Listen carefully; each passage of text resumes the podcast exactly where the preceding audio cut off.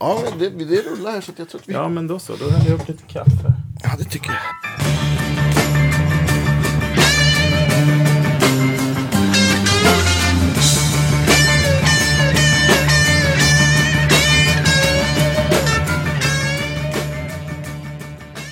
Coola gitarrer. Det där är ju en, en TLL-gitarr. Det är ju Tobias Lund Lindberg. Han, ja, men han står där borta. I, Han som guidade runt roten där ute på Precis. parkeringen. Ah, det är han, som- han som har byggt den där. Ja, den där är grym. Ja, så är det Magnus Rammel också som sitter här också. Som gör, han gör ju sina här inlägg. Så han kan ju göra Det är lite som vad som helst. Har ni, Precis. Tidell, har ni kontakt med honom också? Ja, han har varit här.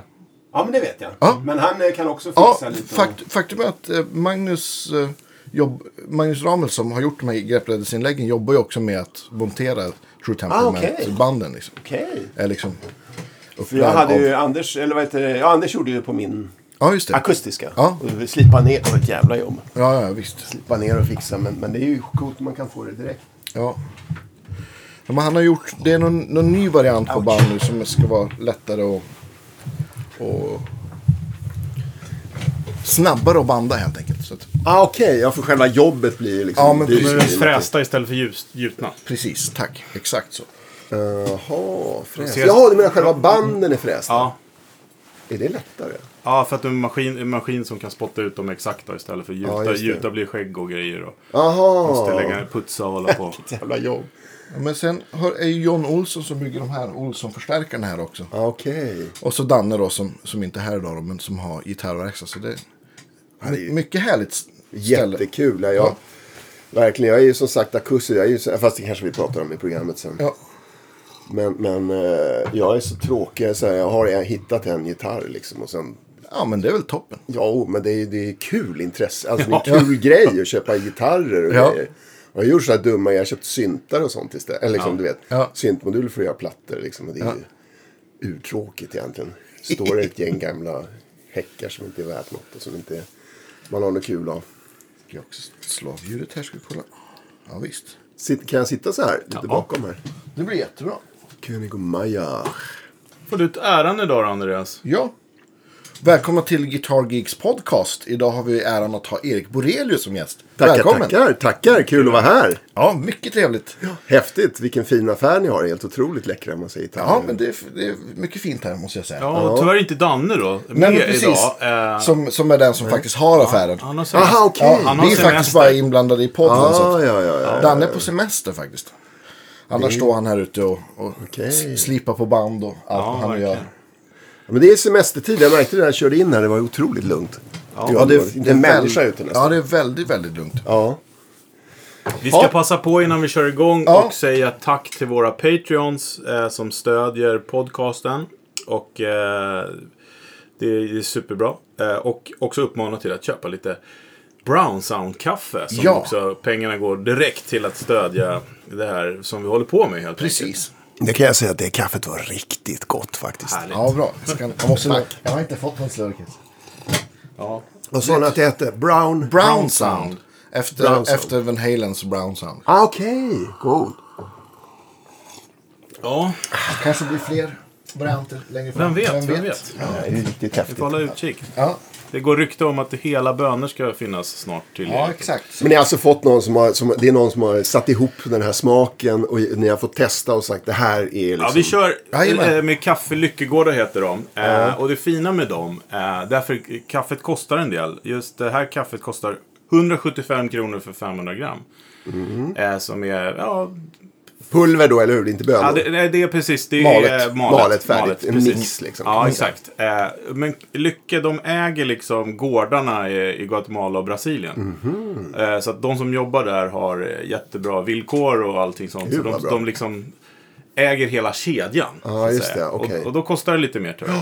Precis, precis. Men det är schyssta villkor. Det är ett liksom schysst en- kaffe. ja, som vi säger. Precis, och det, det tycker vi är viktigt. Ja, Ja. det låter alldeles utmärkt. Och det var schysst smak dessutom. Ja, det, det, det tycker vi också viktigt. Det är ju inte riktigt lika viktigt. Jo, jag skojar bara. Det. Men det var det. Men du Erik, hur, hur började din så här, bana inom eh, gitarrismen? Ja, precis. Det, det är ju som så många andra som är födda på 60-talet så, så var det Jimi Hendrix. Ja. Och jag har en syrra som är sju år äldre än vad jag är. Hon hade den här klassiska Band of Gypsies. Det är väl den Ja, sista. Ja. eller liveplattan från eh, 69-70. Och eh, den gick jag och smyglyssnade på. Jag är född 62, så då, när jag lyssnade på den, det måste ha varit 71 ungefär.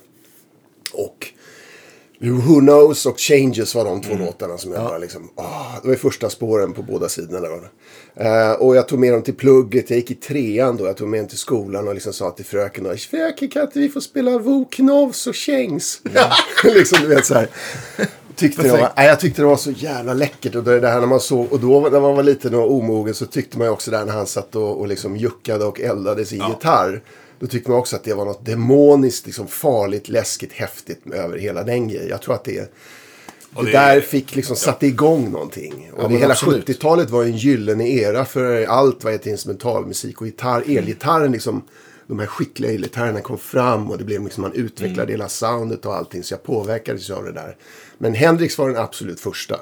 Ja. Även om jag idag kan ju tyckas låta ganska långt ifrån Hendrix så har jag liksom kört det här blue, liksom lite så blues Ja. och rock och så. Faktiskt. Att, eh, Men det måste ju också varit en här, så härligt att liksom uppleva det i realtid. Ja, nu var jag ju väldigt Även liten. lite men, men det ja. var magiskt. Det var ju det. Jag kommer ihåg när Deep Purple in Rock, eller vad säger jag? Ja, den var ju också underbar. Min storbror hade den. Eh, Och man gick och, jag hade ju inga egna då. Jag var ju så liten. Så man Ja. inte, fick inte, hade inte råd. Och fick, veckopengen var för liten. Så det räckte Ja. till en påse godis. Eh, men Johan hade, eh, vad heter det, Deep Purple in Rock. Och sen var det jag och några kompisar som bildade ett band då, 72. Och då kom ju eh, Made in Japan. Ja. Och den är också sån där som man bara satt och liksom, ja men det, det, det var magiskt. Och den där, eh, man kan inte sätta fingret på det. Var. Man kan inte, som liten så förstår man inte liksom hur, att det spelas och att det är på det och det viset och hur skickliga de var. Utan det blir, det blir liksom, och egentligen är det så musik ska vara. Det blir liksom en skön eh, magi, troll, fantasi och allting. Liksom. Det, det, det är helt... eh, Ja, men, eh, jag, jag känner igen Poesi. det där. För jag hade ju liknande upplevelsen fast med Kiss då. då. Ah, Okej! Eh, och det, det var ju många år sedan, eller inte många år sedan men senare. Nej, de, började, Men- de men var ju på 70 Johan, min brorsa lyssnade mycket på Kiss. Precis, de, men ju- just det här teatraliska, det här showen liksom. Ja. Eh, som jag tyckte var så tråkigt när hela den här grunge-eran kom in. Även om musikaliskt kanske var en upplevelse. Så var det liksom, det var slut på show. Okej, ja. Lite grann när man gick och kollade Ja. på konsert. Det var coolt att inte ha show. Man skulle... Ja, man bara stod och... Jag är, ru- Rutiga skjortor och, Ja. och spela gitarr. Och det var ju Mm. jättehäftigt också. Men det var, jag saknar det där bombastiska heavy metal. Ja, just det. Ja, liksom precis. perioden Ja, ja, Kiss är ju verkligen... arenakonserter. Bomber och granater. Ja, var har du varit på många Kiss-konserter? Nej, tyvärr. Eh, inte då när det begav sig. Jag var för liten då. Men sen, sen tyvärr. Ja, precis. jag De eh, kanske, stagnerade kanske ganska inte skulle ha kraftigt. gått på dem nu Nej. senare tid. Men, Jag såg eh, dem i Toledo 79 när jag var i USA ett år. Ja, vad coolt. Ja, och då var de ju fräscha och kul. Och Jag kommer ihåg, det var, det var, även om inte Kiss var mina liksom, superhjältar så var det ju jävligt kul Mm. att se det. Och Jim Simmons liksom spotta blod och sånt där. Ja, visst. Ja, ja, då skulle När man man ha är barn jag. liksom. Det är ju skitroligt. Ja, men jag var på första återföreningen när de kom hit. Eller ja. Åter, ja, första när de började sminkas igen. Det var, jag kommer inte ja. ihåg. ja, just det. Ja. 96. Ja, precis. Ja, men då var jag där. Faktiskt så surprisade jag min brorsa när på Globen. Ja. Men då var jag där med min, min bror, och, som är lite yngre än mig. Eh, och och vi, vi bara såg och tittade på varandra som att vi var liksom små igen. Det var superhäftigt. Och sen så kom de ju tillbaka en vända till. Mm. Psycho Circus tror jag hette då turnén. Och då var min pappa med också. Och, och Mm. han hade samma upplevelse medan vi tyckte att Ja, det var nog bättre förra Ja. Ja, jag kommer ihåg att Peter Chris var ju jäkligt trött då när vi var där. Man tänkte så här, och så tänkte jag så här ett tag, är det han som lirar? Jag tycker Ja. inte det synkar riktigt. och så här. vet- det vet var man väl något om snack det om det va? Nej, jag, jag, tror att, jag tror att de hade hans typ... De hade en stand-in som var klädd också. Eller som, som Ja. kanske trummade ibland. Det Ja, var ju samma det. med, med Ace tror jag också. Ja. Jaha, just det. Ja, han var ju också, hade ju festat en del och Ja, visst. verkade lite trött. Men Ja, okej, det är så kul. mitt i den här eran så, så kommer du på att du ska börja spela gitarr? Ja, och från början, i början var det, mamma hade ju en, en akustisk gitarr, en som jag kallade det på den tiden, en Bjarten. Ja. Men det är ju en bjärton, eller hur? Det är väl Ja, svensk. Ja. Men, och den satt jag och plinkade på och så gjorde jag låtar. Började jag med en låt som, en låt som heter Moll och dur. Och det var bara slog liksom enkla moll och dur-ackord och Ja. sjöng och grejade. Och, eh, så att, och i början så var det lite fram och tillbaka. Så jag hade en, eh, Jag var på Italienska musik som det hette i Malmö där vi bodde då och köpte en stärkare och, och köpte, köpte, han, han kö, sålde på med en basförstärkare egentligen som lät för Jaha. jävligt. Och jag höll på och kämpade med den där och vi bildade något band och efter ett tag så sa vi bara att, eh, eller så tänkte jag bara nej det här är inte för mig, jag kan inte lira. Jag fattade ju inte att det var stärkaren som var så tokig. Ja. Eh, så att då liksom la jag ner det där lite grann och sen höll jag på och seglade några år, var på seglarskolor och sånt där. Och sen plötsligt i åttan, nian så, så fick jag kontakt med Anders Jens som gick i en parallellklass, Anders Jens Johansson. Och, eh, Just det, Yngves Ja, vapendragare. exakt. Ja. Och då, då hade jag någon sån här konstig idé. Ja, men när jag är 15, då ska jag börja. Alltså, nu vet Ja, liten och har en sån här idé. Att, ja, så att, eh, och, och sen så hade de hört av någon på skolan att ja, nej, Erik han kan lira som fan. Liksom. Och jag kunde ju rock 12, alltså, Ja. du, du, du, du, och lite grejer till. Men då började vi, eh, Anders och Jens och jag, vi bildade ett band som heter Slem. Och Ja. eh, vi körde bara sån här eh, jazz, eh, rock, riff, helt jävla hopp. Och i början var de var ju jätteduktiga och jag var väl inte speciellt duktig. Men det var jävligt kul och vi passade ihop, vi hade kul ihop och Ja. vi lirade och så här, ska vi repa var det liksom alltid. Var det trio då ni körde? Ja, det var bara vi. Och Jens var ju redan då Ja, så han- liksom han en körde demon. bas- alltså. han, bas han på- körde ju bas på keyboarden och hade sin farfisa. Det stod en Ja, stor jävla klump där. Men var det här i, Ma- i Malmö då? Ja, det var i Malmö. Så de bodde ju där nere i Malmö. Och, eh, eh, så vi träffades på plugget där. Va- Vad var första gitarren? Första gitarren var en Egmont som min brorsa köpte Ja. till mig i Stockholm. Vi bodde i Malmö då och så köpte han den. Eh, jag ser den framför mig nu men jag har aldrig sökt den på nätet men det, jag ser inte modellen längre men den var ju skitful. Vinröd gitarr med ett stort plektrumskydd men där mickarna satt fast i plektrumskyddet. Ja. Som hängde en bit ovanför. Ja. Eh, intonation och allt sånt där och liksom eh, var ju inget vidare. Jag vet inte Egmont om ni känner till dem. Jo, jag, Det är jag har något- också säkert haft något här eh, Egmont. Jag, tänker bara Asiatiskt. på förlaget Egmont. Det, Ja, de, ja, de just som ger ut det. Bamse, var det inte det? Ja, är det det? Ja, det Ja, Eller Egmont. Ja, just det. är. Just det Egmont, förlåt. just det. Ja, det här var det på Ja, slutet. det- Mycket ja, viktigt. det det. Nej då, men den, den gitarren hade jag då. Och eh, den lät ju inte heller... eh, Det var ju liksom... Eh, det är klart att de där instrumenten var inte inspirerande när man var Nej. nybörjare. Man drömde ju om en Les Paul och, eller en Stratocaster. De två var ju liksom... Det var ju grejen. Så att eh, jag, jag höll väl på lite fram och tillbaka till nian. Och spelade lite på mammas gitarr och sådär. Och kunde egentligen eh, spelade bara ganska dåligt så att säga. Och sen började Anders Jens och jag och då blev det jävligt kul. Och vi gjorde låtar och Anders hade någon låt som hette Beckomberga Blues. Vi körde, det var bara konstiga namn hela tiden. Ja. Njurades punkstövlar, nekrofilens mardröm, eh, tapetklister, sirap i... Ah, jag vågar inte ens säga Men det. ins- instrumentalt då eller? Instrumentalt, Allt var Ja, instrumentalt. alltså, var in, Ja, vi var ju skitkaxiga, du vet. Alla som pratade om känslor, liksom, ja, kolla feeling. Men gud, det är inte klok feeling. Det handlar ju om speed, liksom. Ja. ja, och de som liksom började prata om skalor och sånt där, ni vet. eh, Ja, du, jag har precis kollat in när ni har... Ja, vad, var det, Di- vad kan de heta? Dimskala? Ja, det är ju standard i och för sig. Men det var några andra olika skalor. Ja. Tyckte man också. Vad fan, kan du inte lira? Varför håller du på att prata om skalor för? Det är väl helt ointressant. vi var ganska kaxiga. Vi tyckte liksom att... Ja. Och, du vet, och det var ju en liten värld på den tiden Ja. om man jämför med idag. Det var ju liksom skolan, det var gatan, skolan, det var stan och det var Sverige.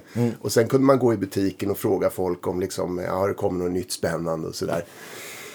Men i övrigt sådär så hade man ju liksom idolerna var ju, min bror var ju jätteduktig. Han tillhörde en av de bättre i Malmö då. Och sen hade Ja. du andra killar som var liksom, och så var det bästa, han som var duktigast i Malmö liksom. Då tyckte det var ju det.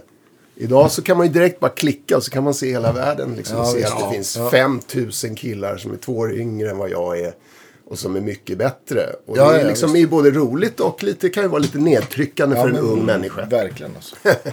Så att det, det där sporrade ju ändå liksom hela den här känslan av att i Malmö kan man ändå bli liksom. Så att eh, vi lirade jättemycket, Anders Jens och jag, de där två första åren. Eh, 77, 78, 79. Då åkte jag till USA ett år. Och eh, Alltså fram under gymna- högstadiet, högstadiet och första ringgymnasiet. Och eh, vi hade ju en sån där eh, konsert i vår, på våren på nian, i nian när man, i plugget när vi lirade. Vi spelade, Anders och Jens spelade in den där faktiskt. Kul. Eh, ja, det är jättedåligt ljud, men hela den där rockgalan. Man var som en drö- det var som en drömvärld. Du, vet. du hade olika band, alla hade poppat upp på skolan då med en 500-600 elever. Eh, jag kommer inte ihåg alla Nej, namnen, men liksom tre, fyra band. Och det, det känns som att det som där festival, var en speciell liksom. tid. Ja. Alltså, när, när det här med att spela gitarr och liksom musiken. Jag vet Verkligen. inte hur det är idag i plugget, men, men det var... Eh, kändes väldigt eh, spännande och häftigt. Som att det var, man var liksom, kunde verkligen få Ja, allt var stå möjligt. på en scen. Och, ja, verkligen. Och alla var där, för det fanns inte så mycket annat. Nej. Nej, precis. Vi hade, det var Spex och det var. Rockgalan och liksom. Ja. Nej, det var faktiskt helt underbart. Så att, ehm, det var nian det. Och sen åkte jag till USA och där eh, bodde jag lite på landet, lite utanför Detroit två timmar. Och eh, man fick inte ta körkort med det förbundet som jag åkte med. Så jag bodde, jag bodde på vischan. Jag hade Men sparat... som utbytesstudent typ? Ja, eller? jag hade sparat ihop så jag skulle, för jag ville köpa en Gibson i USA. Ja. Men pengarna räckte inte till en Les Paul så jag fick köpa en The Paul. Kommer du ihåg den? Nej. Nej. Nej, det var en cheapo-variant av. Ja, okej. Och den var ju gjord i någon slags mahogny eller någonting. Eh, och greppbrädan var ganska kraftig. Alltså det var ju en bra gitarr, Ja. gedigen. Men den var ganska tråkig. Det var ganska bred hals om jag inte minns fel. Eh, och den där höll jag på med. Jag bytte sträng. Eller vad heter? Jag bytte mickar. Jag köpte något plektrumskydd. Eller sån här mickskydd som det stod Gibson på.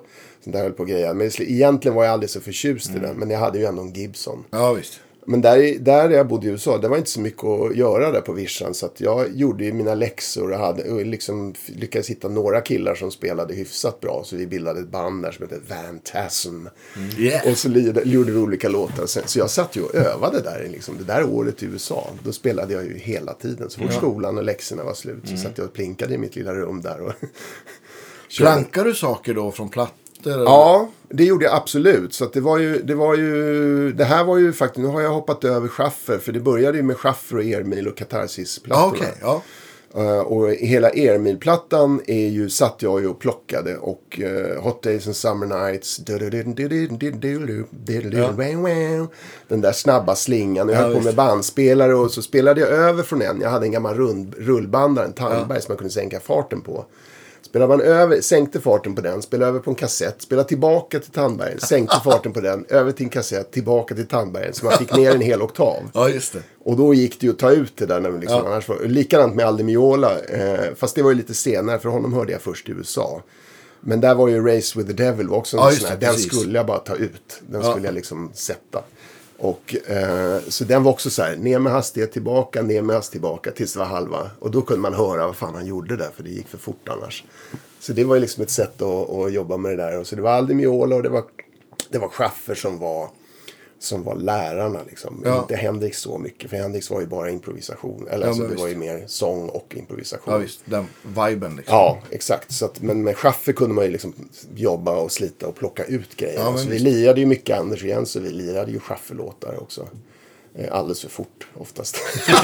ja, men liksom man sabbar ju saker. Har ni några inspelningar förutom det här live-giget med, med Slam? Som... Eh, vi har ju på YouTube. Ja, det finns. Ja, vad kul. Ja, där finns det lite olika. Hot Say, där är Summer Nights och så är det lite andra låtar.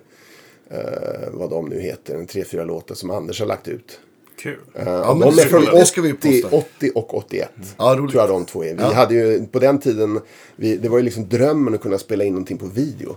Ja, Så ja, det, var, det visst. var en kille i Malmö som hade videoutrustning och det var ju en sån här jävla klump Ja. med grejer. Och så hade han kamera och så en jättetjock kabel, en kamera som var så här stor. Och ändå blev ju bilden så jävla dålig. och det var strålkastare som stod och lyste oss alla i ansiktet. Ja. Eh, men det var ju en dröm att få stå och spela in. Och så skulle man naturligtvis klä ut sig. Att på någon inspelning så har jag något lakan över hela kroppen. Så. Och så någon annan har någon guldslips och står i kalsongerna och spelar. Liksom, det var så här. Men det var, en, det var en fantastisk grej att få spela, Ja. spela in det här på video. Vi spelade in ganska många låtar. Jag tror att tre ligger på YouTube faktiskt. måste vi kolla upp. Ja, verkligen. Men där går det fort mycket. Och Ja, det, det är kul. så här, jag gjorde ju många låtar som var en och en halv minut.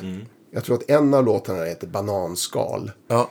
Och den är bara också sådär sjukt snabb. Och helt jävla eh, ologisk och... och eh, nej, ologisk vadå? Musik behöver inte vara logisk. Men, men den är, består av ett antal olika mer eller mindre krångliga teman bara. Ja. Som kommer då.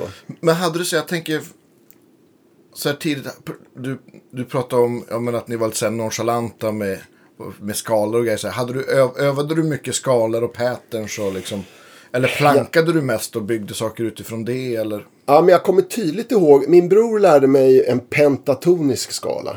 Da-da-da-da-dum-dum. Eller hur? Det är väl Mm. Ja, typ en sån liksom. Ja. Och den satt man ju och nötte då. Så man ly- lyssnar på våra första gre- grejer från, från Aula när man har spelat ett, eh, halvår drygt. Då är det pentatoniska solon liksom. Liksom bara fram och tillbaka.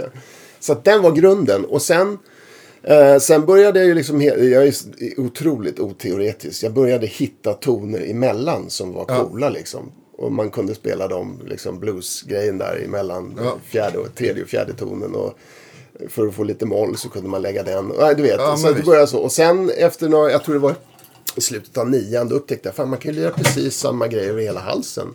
Man bara flyttar allting liksom. Ja. att tonerna finns. på- Ja, de finns ju visst. på samma, i olika oktaver. Och, och, ja, ni hör ju själva hur, hur det liksom basalt det låter. men Men det- det, var, det var, så jag satt och upptäckte det liksom. Och sen, sen eh, spelade jag bara. Satt och halvsov över gitarren så dreglar, kunde liksom dregla till. Och satt och övade olika grejer och spelade. Så det var, det var själva, själva teorin bakom det hela var i princip obefintlig. Ja. Eh, utan det var, det var bara, och så har det alltid varit för mig. Det bara, man sitter bara, jag sitter bara och känner och lyssnar och tänker. Ja. Och försöker och, och det har naturligtvis sina brister. Man uppfinner hjulet sådär i onödan. Man sitter och harvar med grejer. Men man kan samtidigt då kanske tror man lär sig få en egen det. stil Ja, också absolut, kanske. absolut. Likadant med tekniken var det ju. Att jag, Ja. jag hade ju ingen, ingen aning om hur jag skulle spela. När jag hörde Aldi Miola första gången så tänkte jag det här går inte. Det är Nej. helt omöjligt att lira sådär. Och det var ju, var ju med mig i flera år där man liksom, hur ska man göra det här? Och, liksom, jag hade ju, och sen upptäckte jag att mitt gamla Jim Dunlop som jag hade, jag, liksom, man kan, jag kan lätt fastna i en grej. Jag hade Jim Dunlop som var så mjukt. Just det. Det, om, det har jag kvar idag och det är så slitet så det finns nästan liksom ingenting kvar. Men jag kom inte på att jag kunde byta plektrum. Nej. Så att sen plötsligt så såg jag i någon affär så här, det, ja, men det finns rostfria stålplektrum. Ja. Som bara är så här, de är så tunna, de är som ett blad, Ja, som ett knivblad. Har ni sett sådana? Ja. Ja, och då, det var i USA det här tror jag. Och då, då köpte jag ett sånt där. Och sen så började jag. Sen så testade jag en grej då. För jag försökte liksom komma på hur jag skulle gå tillväga. så jag höjde upp micken. Till, så att den låg precis under strängarna. Och sen så började jag liksom. Vilade jag plektrumet mot plåtkåpan. Aha, okej. Eller det var ingen plåt då på The Polen, det var plast. Så vilade och så började det liksom, drr, då hade man ju den som stöd. Själva micken. Okej. Då kan man liksom darra upp i en väldig fart. Ja, Så det var jag helt enkelt. Nej men det var ju någon slags så här, eh, Ja. permobil för eh, nybörjargitarrister. Ja. Men liksom, man fick hjälp att komma framåt genom att hitta ett liksom enkelt Ja. knep. Jag vilade mot K, eller mot plasten. Ja. Det var ju bara det att det här var ju som ett, eh, det var ju vasst det här plektrumet. Ja. Så hela mick, plasten på micken blev ju helt förstörd. Ja, såklart. Ja, så det var då jag köpte kåpor också. Satte på, Ja. ja, eh, ja mickkåpor. Men skrapade den inte på micken? då? Nej, lustigt nog inte. Okej. Det borde, man tänkte det borde ha varit testa. någon statisk där också med, med, Ja. med stål, eller liksom att, eh, elektricitet. Det gick så fort så att det hördes inte. Det lät bara frrrr. Precis. Precis. Upp till tusen svängar per sekund. Då Ja, har det lite, men sen bara... Nej, men det där gjorde ju att, att liksom, eh, då fick jag någon slags grepp om det där. Jag Ja. fick en starthjälp. Ja. Nu idag vilar jag ju inte plektrumet på, på micken. Men, men det var liksom ett sätt att, och, och det tror jag, det, jag tror att eh, det där kan, kan man, eh, det är ganska kul. Om man är verkligen brinner för någonting. Mm. Då, då, då kan det ibland vara bra att man kör sitt eget. Liksom, Verkligen. Ja, men egen visst. grej. If there's a will, there's a way. Exakt, precis. liksom- Ja, för att... eh, Ligger något i det. Ja, men blir- ibland, ibland så, jag har varit här hos Daniel i sommar lite, ibland får man ju gitarrer man fattar inte att folk kan, kan spela på dem för att det är liksom så justerat så konstigt eller, Aha, ja. eller sådär. Men det, funkar det så funkar det liksom. Ja. Det, är- det är det som är häftigt liksom. Ja, Ja, men har de, är det för att de inte har vetat eller är det för att de liksom... eller fastnat för det liksom. Ja, eller man, så till och med. Liksom, när du säger att man höjer upp micken sådär nära. Jag menar, det händer ju väldigt mycket med ljudet. Ja, jag kan tänka mig Eh, det. Att det liksom, och sänker man lite då blir det lite luftigare och såna grejer. Så Ja, det, ibland har man allt man behöver på plats, men man vill bara justera lite. Ja, exakt, ja, visst, exakt. verkligen. Men då funkade ju inte det där om jag sänkte Nej, micken för mycket. Nej, just exakt. Det var, men det gällde ju att det var väldigt lågt eh, action på greppbrädan. Ja. För annars så gick ju micken i, eller gick ju strängen i micken. Ja, visst. Så att, eh, men det, det var ett sätt att börja. Och sen spelade jag ju med Anders igen, så de var ju kvar i Sverige några år. Efter att jag kom hem. Eh, Ja, du var där i USA ett år då? Ja, 79-80. Och sen när jag kom hem, då, då hade jag ju blivit mycket bättre också. Kände jag själv. Man kände så här, Ja. liksom att, och när vi träffades så, så kunde vi lira helt andra låtar. Och det var, Det var kul och sådär. Och sen hade ju Anders och Jens andra grejer på gång. De körde ju med liksom Silver Mountain i Malmö och mycket hårdrock och sådär. Eh, och jag på något vis kom ifrån elgitarren där efter ett tag. Jag, jag vet inte vad, vad som hände. Det var det här liksom. Jag tror att jag, eftersom jag alltid har varit road av att göra musik. Och det är ganska skönt att göra låtar på en ackgitarr. Jag vet inte om ni Ja, känner igen feelingen. Det är liksom. Uh, melo, alltså, dels så håller man den i kroppen. Man känner vibrationen och man har liksom eh, en klang utan att behöva koppla in en stärkare. Eh, och jag började mer och mer och sen kom ju Aldi och då hade jag ju redan fastnat för Aldi Miolas platta, Elgan Gypsy och Race with the Devil och allt det där. Så att jag lyssnade ju på honom hela tiden och köpte plattor. Så jag kommer ihåg jag hörde den här Tour de Force live-plattan. Den är jävligt bra tycker jag med Jan Hammer. Ja, ja, typiskt Aldi Miola-titel. och där var ju även en låt med Passion Grace and Fire. Som sista låt. Bara han och Paco. Sen gjordes ju den om igen på en, solo, på en platta med de tre. Där Ja, men precis. Som hette så. Som var jävligt bra. Den plattan betydde oerhört mycket också. Men och när jag hörde den där låten med Mediterranean Sundance och alla de andra sådär som alla killar i, som var gitarrintresserade på den tiden. Det var ju stort med ackgitarr då. Ja, ja, och den visst. här typen av liksom plektrum med Paco i fingrarna med liksom John Ja, McLaughlin visst. och Aldi Miola. Det var ju, De fyllde ju konserthuset och det Ja, var ja, visst. över hela Ja, jorden. Du såg du det live? Ja, jag såg dem live. Ja, vad kul. Och det var, men jag tyckte aldrig så mycket om den här liveplattan. Eh, vissa låtar, men det var för mycket sol. Alltså det blev för enformigt med solorna. Ja, det- tycker jag. Det blev för tänka- mycket det bara ganska uppvisning. liksom. Ja. Ja. Och livekonserten, då, hade jag, då började jag alltid vara så med, med, med, med det här ljud, piezo-ljudet. Han körde ju Ovation och han hade Visst. ju någon, någon deal med dem antar jag. För det är Ja. ju ingen jättebra sound i dem kan man tycka kanske. Nej, det är ju väldigt speciellt. Ja, men visst. Ja, det låter Men då hade, körde han på den live och då hade han ju kop- elförstärkt Ja. med piezomicken och det sabbade ju allt för mig då när jag Ja. satt och lyssnade. Ja, ja, jag hade ju velat höra honom med liksom riktigt akustiskt ljud. För jag älskar ju hans solospel framförallt. Men det, det var det där plastiga liksom. Ja. Och jag köpte, men jag köpte ju en sån där sen. Det var ju liksom också en dröm. Samma gitarr som Aldi hade. Ja, men såklart. Och den har jag fortfarande kvar faktiskt. Jag använder den på första plattan. lite grann. Och på andra. Men den låter ju för jävligt, ursäkta. Jo, Ja, men det gör de. Det är, det är ett väldigt speciellt ljud. Ja, men lättspelad. Ja. Oerhört lättspelad. Tunn kropp och det var en sån här plast. Man tog ju bort en plastskiva på baksidan. Precis. Stoppa in armen och krånglade dit ett batteri. Ja. Men liksom, tänk själv att bara skruva dit en plast. Det, det kan ju inte bli så bra ljudet. men, eh, men så det var, det var, um, vad var vi då? Ja, vi var nitt- början på 80-talet. Ja. Och då, då kom den här Passion Gaze of Fire. Den satte ju igång någonting. Hela den där plattan med, med, Dan- med trion. Och just den låten, Aldi Meola hade ju utvecklat låten Passion Grace and Fire. Så det var oerhört mycket vändningar, komplicerat och snyggt, läckert spel. Men den gamla versionen tog jag ut. Den här, eh, och när jag tar ut saker, då tar jag aldrig ut dem. Eh, Jag orkar inte. Eller jag, det liksom, jag tar inte ut dem precis eftersom jag Nej. lyssnar. Ibland förs- man försöker ju. Och, och, och liksom man försöker höra, hur har han gjort det där då? Men när jag lyssnar på Passion Grace and Fire idag från Tour de Force. Då hör man att hur jag tog ut den. Det, det är liksom, jag spelar helt annorlunda än vad, vad, vad de gör. Eller vad Aldi Meola gör framförallt. Paco är självklart, det, det kan jag inte lira som han. Men Aldi Meolas grejer är liksom, jaha, han sätter nog sådär har han sättningen. Hör man idag liksom. När jag... Ja, visst.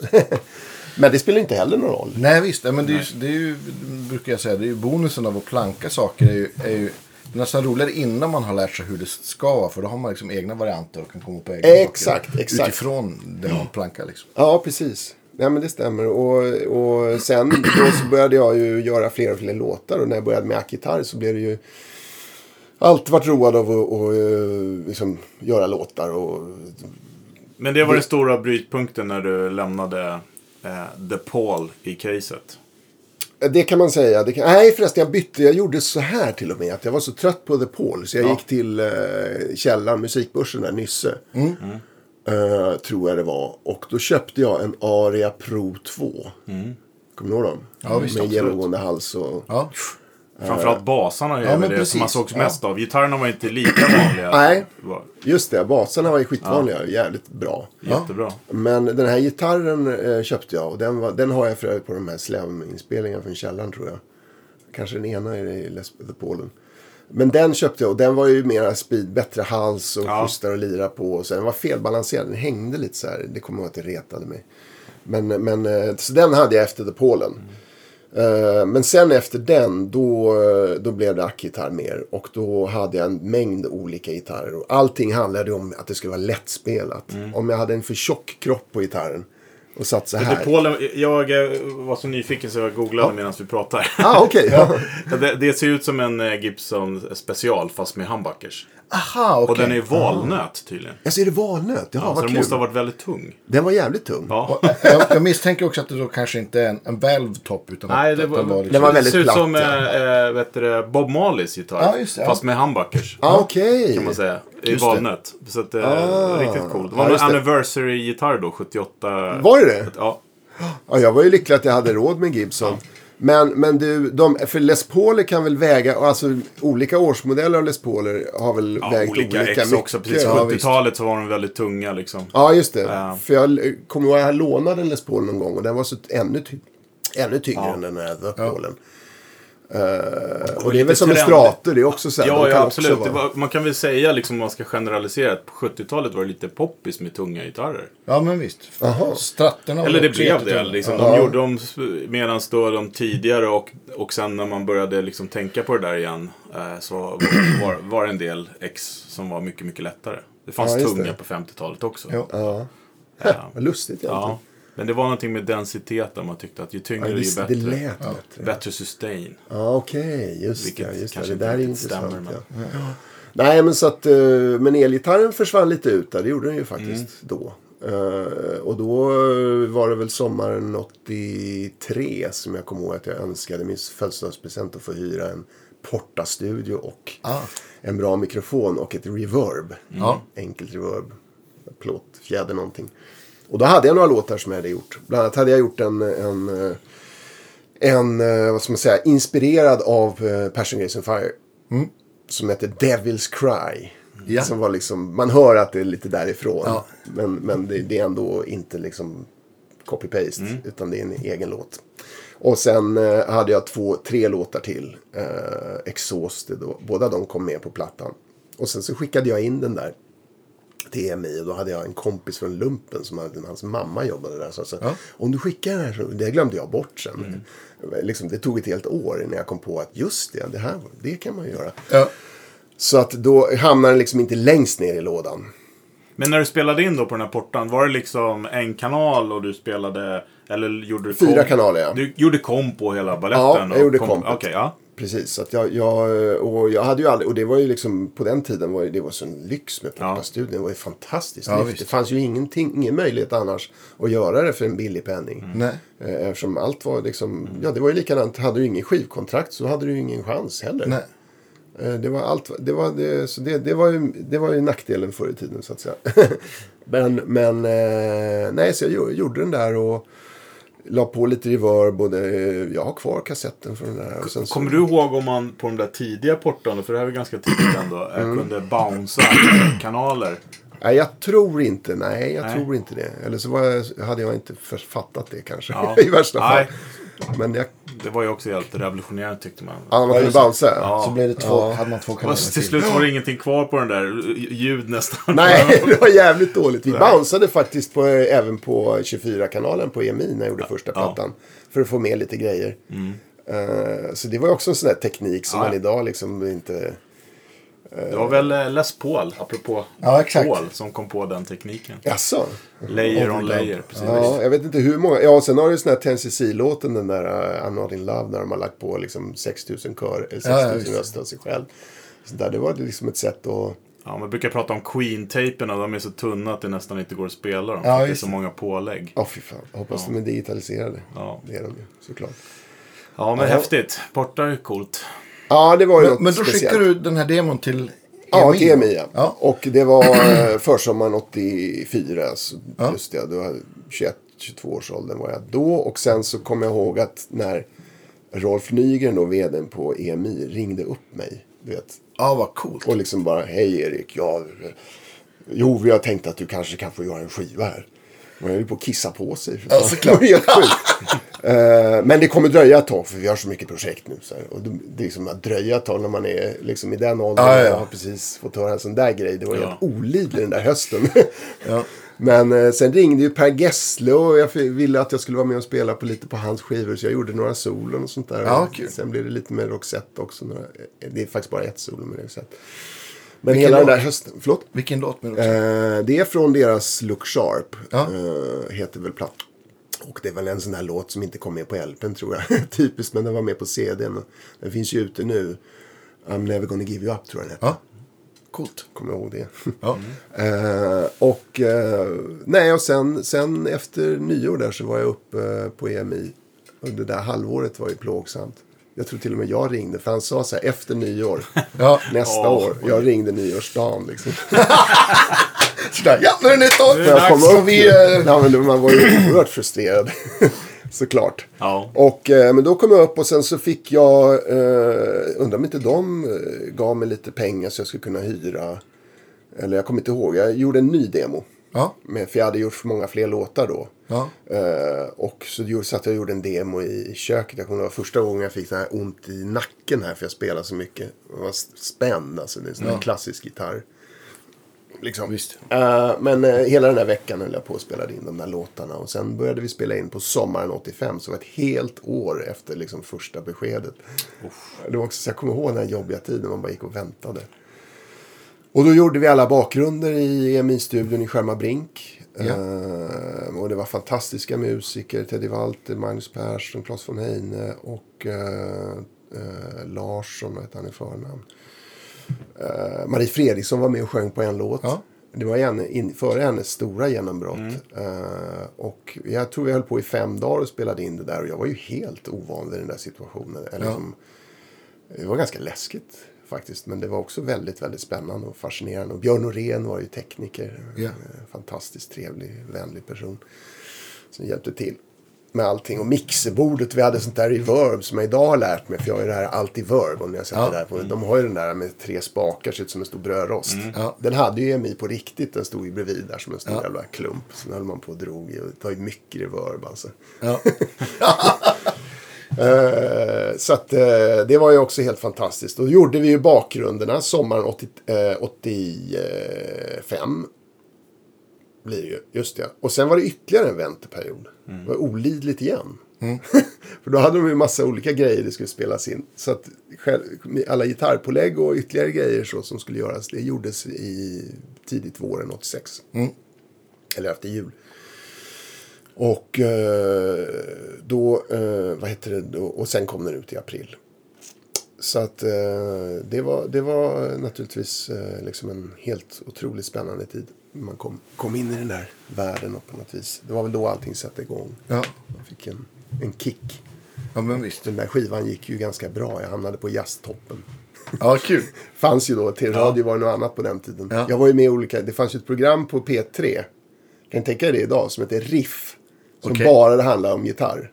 Fantastiskt. Ja, varför det, så skulle det vara idag. Ja, jag ja, saknar det där i, i, Sveriges, i Sveriges Radio. Det skulle vara sådana här smala, coola program. Ja, liksom. Riff. Jag var där och vi pratade och jag fick spela mina gamla favoritlåtar och berätta om liksom, ja, lite som här fast det var 40 minuter. Det måste ju finnas i arkiven det där ju. Det borde Ja. det finnas. Ja. Ja. Ja. och så var det också så här, det var en kille som var jävligt cool, långhårig, som satt vid den här bandaren då, kvartstummaren, när vi hade spelat in. Då var jag med. Jättetrevlig programledare också. Och då satt han och klippte i bandet. Du vet så här, och skit, ja, och så berättade de hur duktig han var på att klippa i bandet. Han, man hör så här, så då har han liksom satt ihop hela det här. Och så var det någon så här programledare som sa, kan du inte ta bort det när jag hatar när, det där ordet när jag säger det där. Liksom, någon, något fult han gjorde. Och så klippte han det liksom och fick bort det där. Och, det är också en annan tid. Då. Det Ja, visst. kul. Men när man hörde det. inte, det är inte så länge sedan. Jag kommer ihåg, ja, det är säkert bara för att man är gammal, men det är kanske 20 år sedan i alla fall. När jag hade kompisar som gick på det här, eh, SEA, vad heter det? Vad heter det? SCA. SCA, förlåt. Tvärtom. Ehm, men där, där var ingick det att man fick lära sig klippa. Vad var det från det? SCA? Ja, det Nej, SAE heter det. SAE. pre- SAE, ja, precis. eh, Eh, exakt. Så. Ljudteknikerskola. Aha, okej. Jo, för det var liksom... Ja, det, det var inte så kvar. länge som det fortfarande ingick att man skulle få liksom, lära sig klippa band. Ja, just det. Ja. Jag tror att det är bra. Jag tror att man kan tänka tekniken. Man får, eh, man får ett perspektiv på det. Och Ja, det, är, ju- verkligen. det är ju... eh, det är ju fortfarande på något vis teorin, eller vad man ska säga, tillämpbarheten är ju... Man kan ju man kan tänka på det sättet även idag. Ja, vi som är absolut. uppvuxna på den tiden, vi har, vi har, även om vi jobbar med digitala filer så blir det ju liksom... Ja, man har nog nytta av det faktiskt. Ja, jag lyssnade på, ett eh, på, på en podd med Bingo Rimér av alla människor. Men han han är fotograf och han gjorde verkligen så snöade in på att lära sig tekniken om allting. Precis när övergången till digitalkameran Ah, kom. okej. Men han sa att det är det han gör att han, är, han förstår ju vad som händer Just det. Just i det. den digitala kameran. Liksom. Det, för det är ju samma processer fast det är digitaliserat. Ja, exakt. Eh, exakt. att, eh, då blir man ju skickligare helt enkelt. Så är det. Men det är svårt idag, för jag kan inte ens liksom nästan tänka mig in i hur det var när jag höll på på den tiden. Med rullband och grejer. Men, liksom, men hur fick jag till det där då? Jag gjorde min, min tredje platta sen. Jag fick göra två plattor på EMI. Den första gick jättebra. Men de sa det att det blir väl bara en platta. Så här, för de gör, gör ju inte såna här grejer normalt Nej. sett. Men efter den andra så blev den gick inte lika bra. Den var inte lika bra heller. Men eh, jätteduktiga musiker där också. Men låtmaterial och sådär. Jag var lite så här övermodig tror jag. Det skulle, plötsligt skulle allting vara mycket tuffare och roligare liksom. Jag kommer min brorsa och sa Erik kan du inte göra ett snabbaste solot du kan på en låt? och jag liksom okej då. Ja. Han var ju ändå min förebild. Och så Ja. man tyckte liksom att, Då gjorde jag det på en låt. Eh, på den plattan då. Easy on you. Ja. Där för övrigt Jens är med och spelar ett jättebra gitarr, eller orgelsolo. Ja. Eh, och, eh, men det var det att jag gillar ju rent ljud. Så jag kör helt rent ljud. Med, eh, och sen hade jag kontakt med... Uh, fan, Sicken, vad heter han nu då? Uh, jag hade alltid problem med att få till ett ljud som jag ville ha. Uh, han finns inte mer en bra gitarrist. Jävla koll på ljudet, svensk kille. Skitsamma. Han hjälpte mig i alla fall med ljudet. Vad Men det var hade du för grejer då? Kommer Ja, du ihåg? Nej, jag hade ju knappt. Jag hade, jag, vad hade jag för någonting? En labb tror jag. Kommer du ihåg dem? Inbyggd kompressor. Ja, jag visste. tyckte det var ascoolt. Väldigt rent ljud, kan man lugnt säga. Så. Jag får mig hade labben under många år. Men det blev ju mycket ackgitarr. Eh, men han hjälpte mig med ljudet. Men jag hade i alla fall, jag sa jag vill ha ett rent ljud. Och min brorsa blev jättebesviken för. Jag väntade att jag skulle göra lite, försöka göra något Van Halen-aktigt. Ja. liksom, liknande. Men det är bara, det är väldigt, väldigt snabbt. Ja. Det låter ju fan inte klokt. det bara liksom Men eh, och, hade du en gitarr som du spelade in hela plattan på? Eh, var då det? ska vi se. Jo, men då, på den plattan lånade jag min brorsas eh, Fender Stratocaster som han hade gjort. Och den, den eh, eh, på vissa grejer. Den hade svaj och sån här Floyd Rose och vad heter alla de där stränglås och grejer. Mhm. Men det har jag aldrig gillat för de är i vägen här nere. Jag vill kunna liksom... Mm. Men den lånade jag och sen hade jag ju min Aria då, tror jag, Pro 2. Okej, ja. Och sen använde jag den här Ovation på den plattan. Mm, Till skillnad från, från eh, Perfect Partners, den första. Där hyrde jag en. Fick, där var EMI schysst och sa att du kan få hyra en gitarr som du gillar. Ja. För jag tyckte, jag började förstå att den där Ovation var inget bra att spela in med. Nej. Mm. Alltså, man kände det att det var liksom. Så jag fick hyra en Larry Jag tror jag gjorde det på musikbörsen också. Ja. Skitfin Larry med sån här, som den här fina gitarren. Men hela halsen var full av snygga in, inlayers. Eller vad det heter. Så det är mycket, tack och lov använder jag den. För det är mycket bra. Mm. Ett stålsträngad. Ja, Ja. bra ack, äh, ackljuden är bra på den plattan. Eh, Men på Fantasy så eh, tänkte jag att nej nu ska det gå fort liksom. Och så ska det vara, och då tog jag den mest lättspelade och det var ju min Ovation. Då. Ja, det. Så det är lite plonkigt ljud där. Precis, och den, den eh, var det Aldemiola-modellen? ja. Ja, Eller ja, han hade ju några, ett antal den olika. svarta eller? Nej, Nej. det här är där, där Aldemiola och Hasse Kvinnaböske hade här. Ja, okej, okej. Då, då vet jag precis vilken det är. Ja, det är ganska cool gitarr. Men den, och jag tyckte den var cool. Hal, Ja. Aldi hade den på den konserten som jag såg. Ja. Om jag inte minns alldeles fel. Alltså jag är ganska bombsäker på att han hade den. På den konserten. Då på Konserthuset typ 83. Eh, så då ville jag ju ha den. Jag kommer fortfarande att kosta 9900 kronor. Det var helt otroligt mycket pengar. Jag hade den svarta. Ja, och lite tjockare Ja, klocka. precis. Och med Exakt. vanligt ljudhål. Eller Ja, hade, ja. ja. Det var lite ja, den låter ju bättre. Den kostade väldigt mycket pengar, jag tror den kostade 18 000 då. Och det var Herregud. tidigt. Ja, det var sent 80, tidigt 90 precis. Alltså det var så mycket pengar så att man... Ja, Ja. men det blir ju... Det, Jag, jag betalade inte det. när man är ung så, Nej, ja precis. Jag tror att min var nog nedsatt också. För de flesta hade väl kommit på att det kanske inte var så bra. Ja. Men det var ju, det var ju liksom all, alla stora band hade de ju då tyckte man. Ja, ja, visst, Speciellt visst. eh, hårdrocksbanden som jag var inne på. Yes. Vad då hade de Ovation? Ja, men det var liksom... Ja, när de skulle spela MTV Unplugged, ja, eh, eran, liksom. exakt, precis. Ja. Mycket Ovation. Ja, jo men de, de hade, alltså det, det var inte bara dåligt för att just solospel tyckte jag kunde vara okej med dem. Ja. För att det var en slags eh, plastig, mjuk, eller plastig låter ju hemskt. Men det var liksom en mjuk klang i dem jämfört med, det var något fetare sound i diskanten. Just det. Än vad det är på en vanlig eh, trä. Ja. Gitarr, Nej, men faktiskt. Det var ju, det var ju liksom eh, high-tech state of the art då. Det var Ja, ju visst. nytt liksom. Visst, det var ju visst, visst. Men ju också Ovation. Jaha. Alltså, I alla fall live. Jag har sett klipp där han spelar nylon Ovation. Ja. Liksom. Ja, det låter... ja, det låter som han. Ja, Men finns, Ovation finns väl fortfarande? Jaha, absolut. ja det finns det Det är nu. samma koncept fortfarande med... Jag vet faktiskt inte. Det är det jag funderar på. Jag har faktiskt ingen Det får man aning. kolla upp. Ja. jag har i alla fall inte gjort mig av med min gamla. Nej, men vad, bra. Kan inte du ta en bild och skicka på den? Det vore kul Jo, att lägga ut. Det ska jag göra, absolut. Toppen.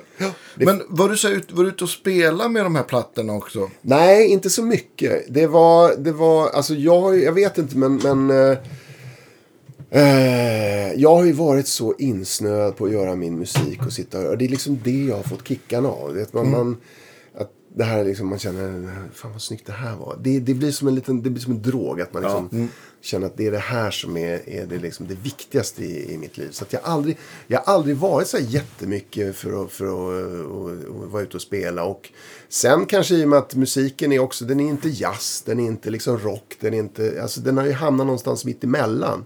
Så det har inte varit så att jazzklubbarna har ringt direkt och sagt, hängt på telefonen. Och utan det har ju varit, eh, om jag ska spela så får jag fixa lite själv då och grejer. Och därför så när jag tycker att eh, tycker att det är så pass roligt att göra musik som jag tycker eh, och att det blir liksom det är det som är med den stora kicken så har jag inte jobbat speciellt mycket för att spela ut Nej. någonsin egentligen. Jag har haft olika perioder med olika band och det var jättekul och sådär men jag tycker också det är, det är väldigt mycket mer fascinerande att sitta hemma och pilla med harmonier och musik och göra solon och liksom det här med att göra en platta är väldigt kul att liksom få ihop alla delarna och försöka få en. Nu har ju mina skivor låtit allt från dåligt till okej och kanske någon låter bra.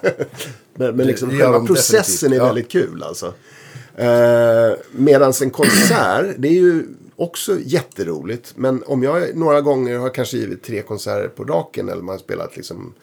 Då efter tre dagar då kan jag känna så här, men gud jag orkar inte spela det här. Även om ingen har hört det här Ja. förut så känner jag nu står jag och upprepar mig här igen. Kör min gamla vanliga grej liksom. Ja. Och man bara känner att det är inte, det är inte. Och sen är jag dessutom väldigt så här kinkig med sound och sånt där. Om inte jag, om jag hör, ackgitarren är ju känslig live också. jag har ju, har ju, det blir så plonkigt. Va? Och, och står man där, nu låter jag så negativ. men, Ja, men står ja. man där och har det här soundet i öronen direkt. Då blir det bara helt avtändande tycker jag. Så där har jag också jobbat väldigt mycket när jag spelat Vad är den live. bästa lösningen du har kommit fram till för, för Ja, jag körde akustisk med- live? Precis, och det var ju sista, sista vändan här som jag hade med House of Sound med Ja. Jonas Hedlund, Anders Lausson och Per Hedtjärn. Ja. Jätteduktiga, bra musiker. Ja, då, då försökte jag arra och komp- komprimera ner det till enkla arr för två gitarrer, bas och trummor. För innan har alltid varit så här, jag måste ha med synt, vi måste ha med det, vi måste ha med det. Och liksom för att få med allting som är på plattorna. Men om man tänker tvärtom, att man skalar av.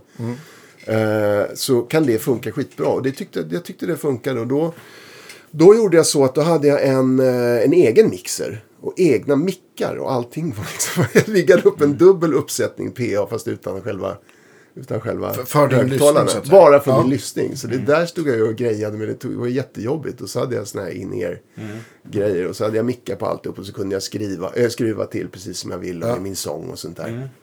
Det är likadant. Om man inte hör sig själv när man sung, sjunger. Då är det en tendens att skrika. Eller liksom att det blir Ja, ja, dynamiskt i rösten.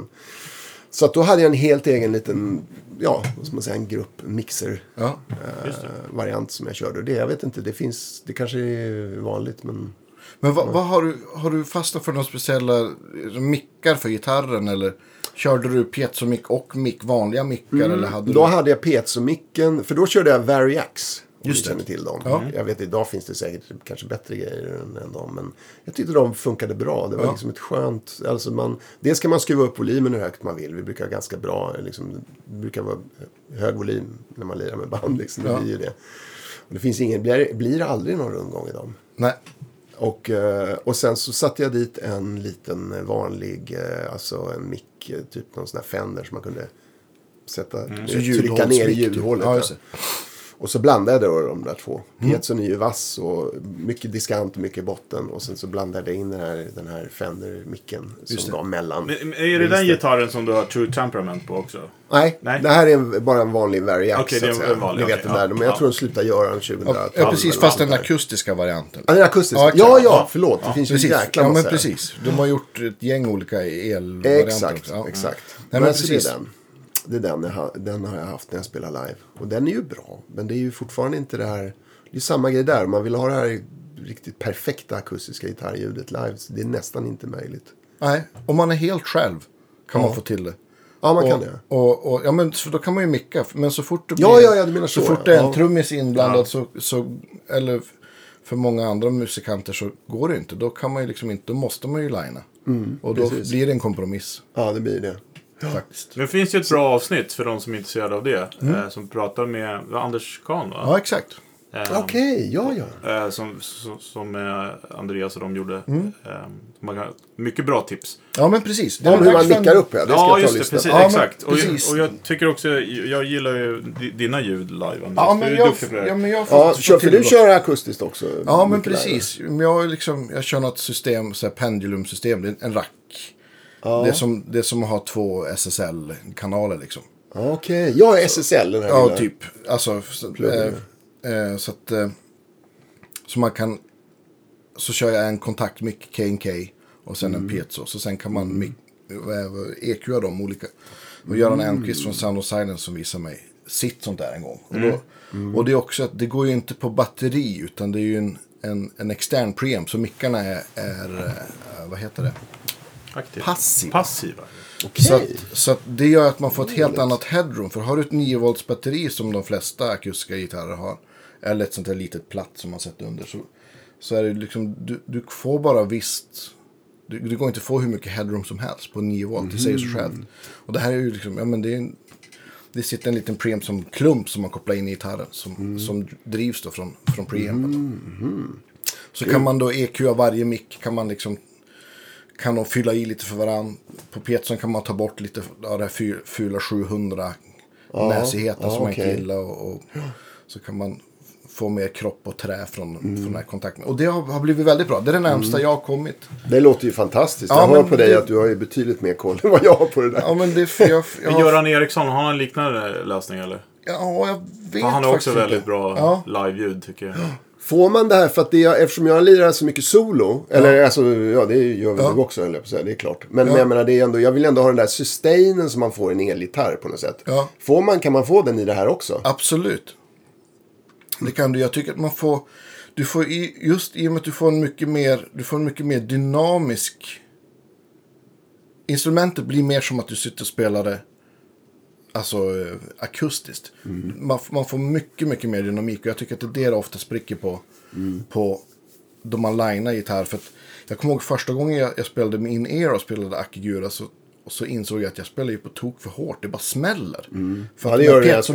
Ja. och orkar liksom inte det. Eller rättare sagt preampen. Liksom i många av de där. Headroomet Headroomet saknas liksom. Så att, Ja, just det. så att det tycker jag. Jag har. För att jag är knäpp så har jag ju två sådana såklart. Och, Just det, för du är road av utrustning. ja, jag är väldigt road av utrustning kan man Jag har säga. sett, jag har sett några bilder med dina pedal. ja. Den här djungeln av pedaler. Hur kan man liksom hålla reda på allt? Ja, det är, det är en bra fråga. Det var lite därför också med jag gillar ackgitarren. För det är, det är ju bara en gitarr. Ja, men visst. Ja, jag hade Ja. alltid svårt. Det var rundgång och grejer man skulle tänka på. Ja. Eh, elgitarr är- i det avseendet är det svårare. Men du borde boka ett studiebesök då för att höra Ja. Ja, men absolut. Ja, Jag kan jättekul. visa, jättekul. absolut. Nu har jag ju blivit så tråkig så jag är, så här, jag är så nöjd med att bara sitta hemma och göra min musik. Så att det kanske inte blir så mycket gig, jag vet inte. Jag har sagt så här bara, ja om någon skulle säga, men du, vi fixar 10 gig åt dig. Okej, då sitter Ja. jag, det är så jäkla mycket jobb också. Jag har ju inte Oh, ja. noter för någonting, alla mina låtar är ganska Ja. Krångliga liksom. Och så ska man sätta ihop allting. Så att, Men, du, så, du, men du, jag misstänker att sen eftersom du då hade Porta Studio rätt tidigt. Så har du hållit på sedan dess och spelat in själv. Då, Mm. Det har jag. Och sen, jag, det var en, en, numera en god vän då, men han hörde mig spela på ett, eh, i det här Riff. Ja. Som ringde upp Nisse. Och han hade ju en studio. Han hade ju en, eh, en Tascam 8-kanalare. Ja. Och en mixerbord. Och, det var ungefär som mitt då, fast lite vassare. Ja. Så när jag höll på med andra plattan, då började jag ju liksom verkligen roa, intressera mig för det här med att spela in. Ja. Eh, då, höll jag, då fick jag komma till honom, för han jobbade, han var eh, i byggbranschen. Och så kom jag dit på morgonen. Tjena Nisse, han skulle gå klockan sex. Och så satt jag i hans studio, hela, eller studio, det var bara de här grejerna. Ja. Ja. Och så där, så där gjorde jag hela min demo till, till liksom platt, platta nummer två hos honom. Och fick upp intresse för det här och mixa och grejer. Och han hade det här, de här första midi verb eller vad det hette. Ja, just det. Den Eller lådan. lådan. Alessis, Ja, visst. ja. Ja, just det. Eh, och det var ju fantastiskt med en digital effekt. Det var helt otroligt. Så det började. Och sen eh, 90, då, då, eh, då köpte jag, då tog jag ett banklån. På den tiden var räntan 14 procent.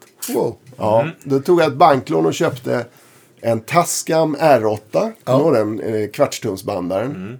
Jävligt bra liten bandare. Ja. Jävligt bra faktiskt. Åtta kanaler. Och så köpte jag en CL50 tror jag den heter. Boss kompressor. Också funkar. Och sen så hade man en, en eh, så här synkbox. Man Till hade en synkbox som eller? lät sin ni vet det här ljudet. Som, så fick ett spår och synkbox. Och så hade jag en Atari då som jag kopplade Just till det. Med Så typ Atari- Cubase. Ja, Ja. exakt. Det var Cubase och det var Atari med den lilla SD1040. 1040. Och man satt där, jag kommer ihåg första gången, det var liksom en megabytes internminne på den där. Ja. Fantastiskt. Eh, ja, första gången jag skulle spela in, då började jag liksom alldeles svettig. Det var som julafton, jag hade plockat upp allting och kopplat upp allting förhoppningsvis rätt.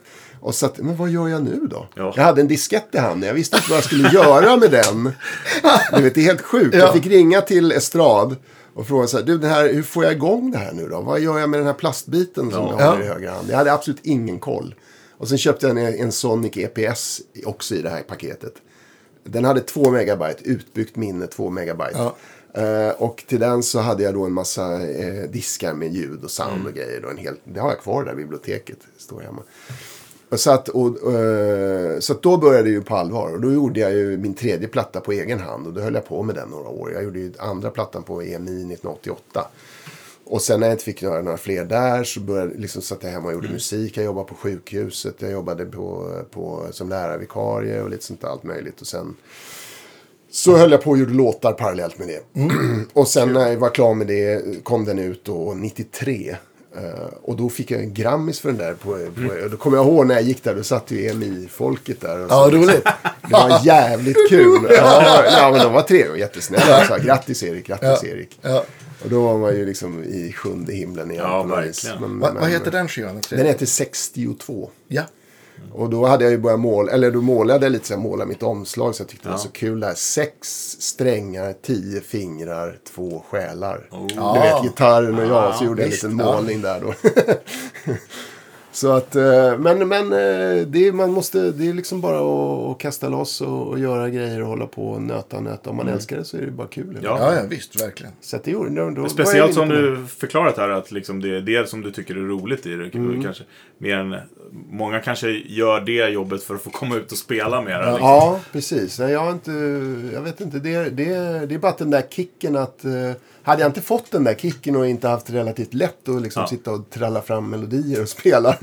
Då hade jag ju kanske sökt mig andra vägar. Men Ja. i och med att den blir så stark, den känslan av att...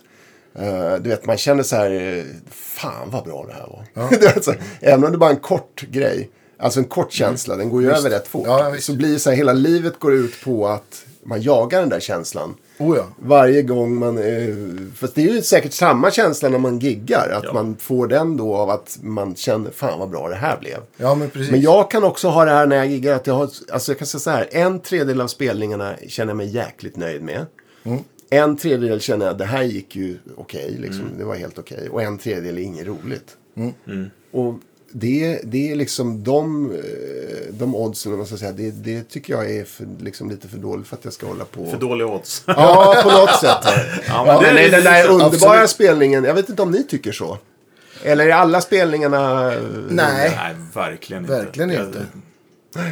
Och då, och då, och jag vet ju studiemusiker som jobbar eh, och har jobbat med allt och alla i hela livet och som berättar att ja, man får, det får man ju bara räkna med att ibland låter det för jävligt och man får gissa sig till vad trummisen gör eller vad, Ja. var är vi nu i låten.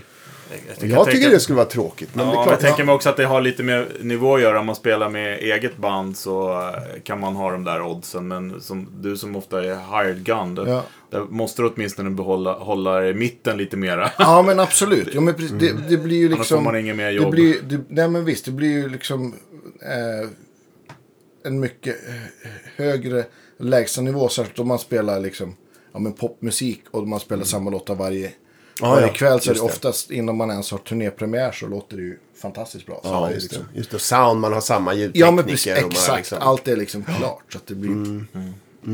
Precis. Men, men, men det är ju, jag gör ju också egen musik och det är ju liksom, Ja. det är ju, det är ju speciellt. Då har man ju liksom mer hela vikten på sina axlar och, och man, det är lätt att man sätter större press på sig själv. Ja, man gör egen musik. Ja, men visst. Tycker jag i alla fall. Ja, för mig är det då tvärtom. Jag tycker ju mer när jag står och lirar, liksom, om inte tekniken är hundra, Ja. då känner jag att jag skämmer ut mig. Liksom. Ja, okej. ja. liksom, Medan en låt, jag sitter ju, ibland kommer man på en grej fort, eller jag. Ja. Och det blir liksom, men det funkar. Så sitter man och jobbar, så lägger jag den åt sidan, så kommer jag tillbaka och så Ja. jobbar jag. Eller så tar det lång tid. Men jag sätter sån glädje i den här pressen på mig själv. Alltså det är bara roligt med den där Ja, pressen. visst. man känner så här, jag kommer inte sluta med det här förrän jag känner att jag tycker att det är Klart. så den pressen har jag kontroll över. Medan när jag lirar live, då är det lite så här, det är för många osäkra parametrar lite grann. Lite Eh, kontrollbehov helt enkelt. Ja, där tror jag vi har problemet där. Ja, men det, jag tycker också det är att man... Eh, ja, vi har ju den här podden för att vi gillar prylar och Ja, sound och grejer hit och dit. Och det, Ja. det gör ju också att man kan bli lite missnöjd när det inte riktigt låter rätt. Medan publiken struntar ju oftast i det. Ja, Helt. det där är Absolut. Man kan stå där De- och bli de nästan... lyssnar ju på musik. Ja, precis. Man Ja. kan vara så här sur. Man bara, fy fan vad det lät liksom. Och så kommer någon Visst, fram och bara, det är bästa jag sett liksom. Ja, och då ska du hålla masken, du får absolut inte Nej, säga precis. nej, Ja, vad du, hörde du inte att det Ja, var... nej, jag har lärt mig det. Tack, vad kul. Ja, precis. Ja. Men du, vet det, jag är lite nyfiken. Hur ser eh, hemmastudion ut idag? Och idag, och det är ju, jag älskar ju det för att jag tror att det grundar sig att jag är ganska, egentligen, alltså jag är ju är väldigt disciplinerad men jag är ganska oorganiserad och tycker att det är krångligt med för mycket pry. Alltså Ja. jag vill gärna ha det rent. Ja. Så jag älskar ju det som är idag. Så idag har jag ju bara en, en Apple-dator Ja. med, jag bytte faktiskt från Pro Tools till Logic alldeles nyligen. Ja. Eh, för jag tycker Logic är otroligt lättarbetat och bra. Håller med. Eh, och sen så har jag då Universal Audios Apollo 16. Mm. Med eh, deras makalösa pluggar. Ja, visst. Ja, som ger ju möjligheterna att få till ett sound som är eh, otroligt bra. Med, med liksom bara det här basic då med bandspelaren, studien där och Visst. The ja, preamps. Ja, Neve och allt vad det heter. Man behöver inte ha så många. Det räcker Nej. med en eh, fyra, fem stycken. Ja, Liksom. men visst. så har man ju, kan man få bra ljud. Och så har jag en bra gammal mick som jag köpte. Som, alltså, som vanligt är ju så tråkig för jag, den där köpte jag i 96 då. Eller nej, jag köpte den 90 till och med. Nej, 90 köpte jag den. VTL heter den. Okej. Och den googlade jag, för jag tänkte nyligen så här, nej, vad kan jag önska mig? Jag brukar köpa någon ny grej till mig själv en gång om året. Så här. En ny mick kanske vore någonting. Ja. Men jag måste googla på och se hur, hur den här är egentligen, den här VTL. Och då ser jag att det är ju världens kultmick. Okej. Ja, ja, den är skitbra tydligen. Ja. Liksom, Ja. Den låter ju, jag har alltid Ja. tyckt den låter bra. Men man Ja. tänker ändå så här att det kanske finns något som är mycket bättre. Men den, den är tydligen, det är någon japansk kopia på någon amerikansk mick. Och den här kopian är tydligen eh, liksom eftertraktad och Mm. väldigt, väldigt bra. Och den var bägga då när jag köpte den på Estrad. Eh, och jag jämförde ju den, jag fick låna hem lite sådana här AKG, dyra, vad heter de där, 12 och C12? Eller finns det något sånt? C12, ja. Precis. Eh, och jag tyckte den här lät mycket bättre. Och den var ju halva priset. Liksom. Så jag köpte den. Så den har jag kvar än idag. Och sen så blandar jag den. Jag brukar spela in med tre mickar idag. Så jag har en, en, en i mitt, eller vad ska man säga, en mono. Den där VTLen sitter liksom i mitten. Och sen har jag två eh, små CL tror jag de heter svenska. De är så små ja. runda bara. Jättesmå mickar. Ja, de är väl, eh, jag Ja. tycker de låter Ja, skitbra. jättebra. så har jag dem då så jag får lite stereobild. Så kan man blanda det där. Men då mickar du akustiska gitarren rakt fram. Ja, har- rakt framifrån och sen har jag två mickar som går så där kors. Ja. Alltså, Lite så, liksom. XY Ja, för det här alltså. med, ja just det, precis. Eh, har jag förstått att det kan vara med faser och sånt där. Mm. Ja, men att det precis. kan vara bra. För själva mickpunkten är ju nästan densamma. Då, Ja, men exakt. Jämfört med om du sätter dem. Ja.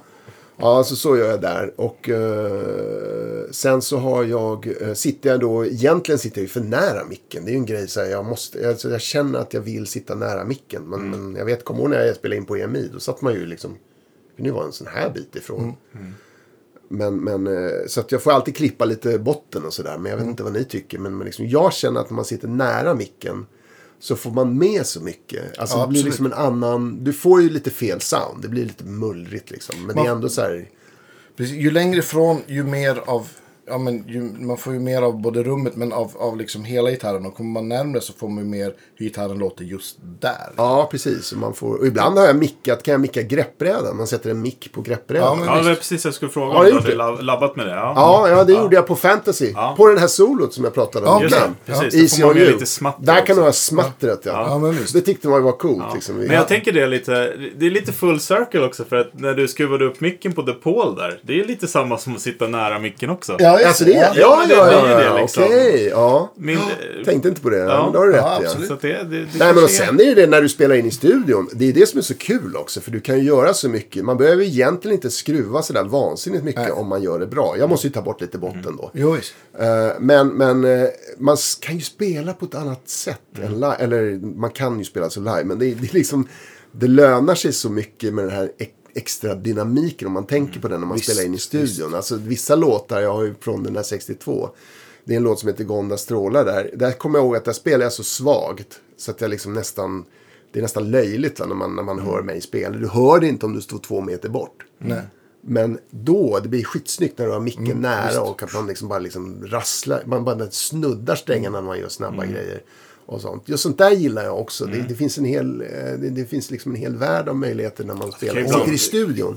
Bara genom att spela på och sånt olika också. Det sätt. kan ibland bli ett fetare sound om du inte om du spelar Ja. lösare. Absolut. Oh, ja. Verkligen, verkligen. Ja, Men, jag, men vad heter det, vilken, vad är huvudgitarren nu då? När du, det är eh, en Löv-gitarr. Löv? Olav Löv, finsk gitarrbyggare. Okej. Det är min favoritgitarr som då Anders Tidell har fixat och eh, ta, tagit bort. Precis, jag har sett, jag sett bilder på hela- den. Den ser jättefin ut. Vi- Jag kunde inte riktigt härleda vad huvudet var. Det var därför, därför jag trodde att Ah, det var... Okej, nej det Ja. står inget på huvudet heller. Nej, Han har ju bara skrivit inuti och den här heter Irene. Det är så coolt när man får Ah, okej, köpa de en har- gitarr som heter något. Ja, just det. Ja, visst. Ja, den heter Irene och den är gjord med björnkloträ på fronten. Yeah. Och det är ju egentligen en defekt då. Jaha. Som jag förstod. Eh, men, eh, och då känner jag, åh den stackaren, den gitarren vill jag ha. Mm. Liksom, Med björnkloträ. Ja, men det, är som, det ser ut som en björn har stått och med klorna så här. Ja, okej. Eh, men den, jag älskar den gitarren direkt och den är skitsnygg, den är ren. Det finns, bara, det är bara en, det finns ingen kantlist sådär utan den är bara tjock och djup, jättebra ljud och så då True Temperament. Men var, är den lite mindre storlek eller? Är- Nej, nej, den är full. Nej, just det. Ja. Eh, och, eh, och så gjorde Anders det där True Temperament på den. Eh, som också var en höjdare. Faktiskt, det är jävligt coolt. Just Ja, när man spelar mycket ackord. Jag gillar ju att göra, jag gör ju en hel del pålägg och sånt där och då blir det alltid liksom Precis. Jag tror att alla, alla som, de flesta som lyssnar vet vad, vad, vad True Temperament är. Men det är alltså kompenserade bandstavar. När man tittar på den så ser det ut som man har fått hallucinationer. Mm. Eh, för de är helt sneda och vinda och sånt. Men det känns ju väldigt vanligt att spela Alltså på. spela är precis som vi gör. Man tänker inte ens Absolut. på det. Och bända och allting går alldeles utmärkt. Ja. Jättekonstigt. Ja, man tror inte man att det tycker det ska skulle funka. bli wing, någon sån Ja. där grej när man drar förbi en sån där hack liksom. Men vilken, vilken cool uppfinning. Ja, Ja, verkligen. nu är ju inte all, alltså all- det beror lite på vilka ackord man spelar och sådär. Det är inte alltid perfekt. Men det, det går tydligen inte att göra det Nej. perfekt Nej. på alla sätten och alla sättningar. Det skulle vara om man hade motoriserade band. Ja, exakt. det är nästa grej. Ja. som kompenserar när man spelar. band. Ja, precis. Du kan läsa av vilket ackord man ska Exakt. spela innan. Ja, precis. Ja, Ja. Nej, men den är, den är härlig, så det är den jag använder mest. Och så har man, har man de där pluggarna i, i datorn så är det ju makalöst. Har den piazzo i sig också eller? Nej, Det är bara- det är gitarr. bara ja, den får Ja. inga, inga Nej. konstigheter där Nej. inte. Det ska vara rent trä. Eller liksom, Just det, ja. Känns alltid som att de där grejerna man stoppar in kan påverka ljudet lite. Ja. Absolut. Eh, och sen har jag 011 nu med. Förr i tiden brukade jag köra 010. Men 011 är ju fortfarande så tunna strängar. Liksom, men det, Mm. låter, det låter tillräckligt bra. Och vilket märke föredrar du där? Dadario tar jag, har jag alltid, av någon anledning. Jag vet inte varför, de, man är van bara liksom med dem.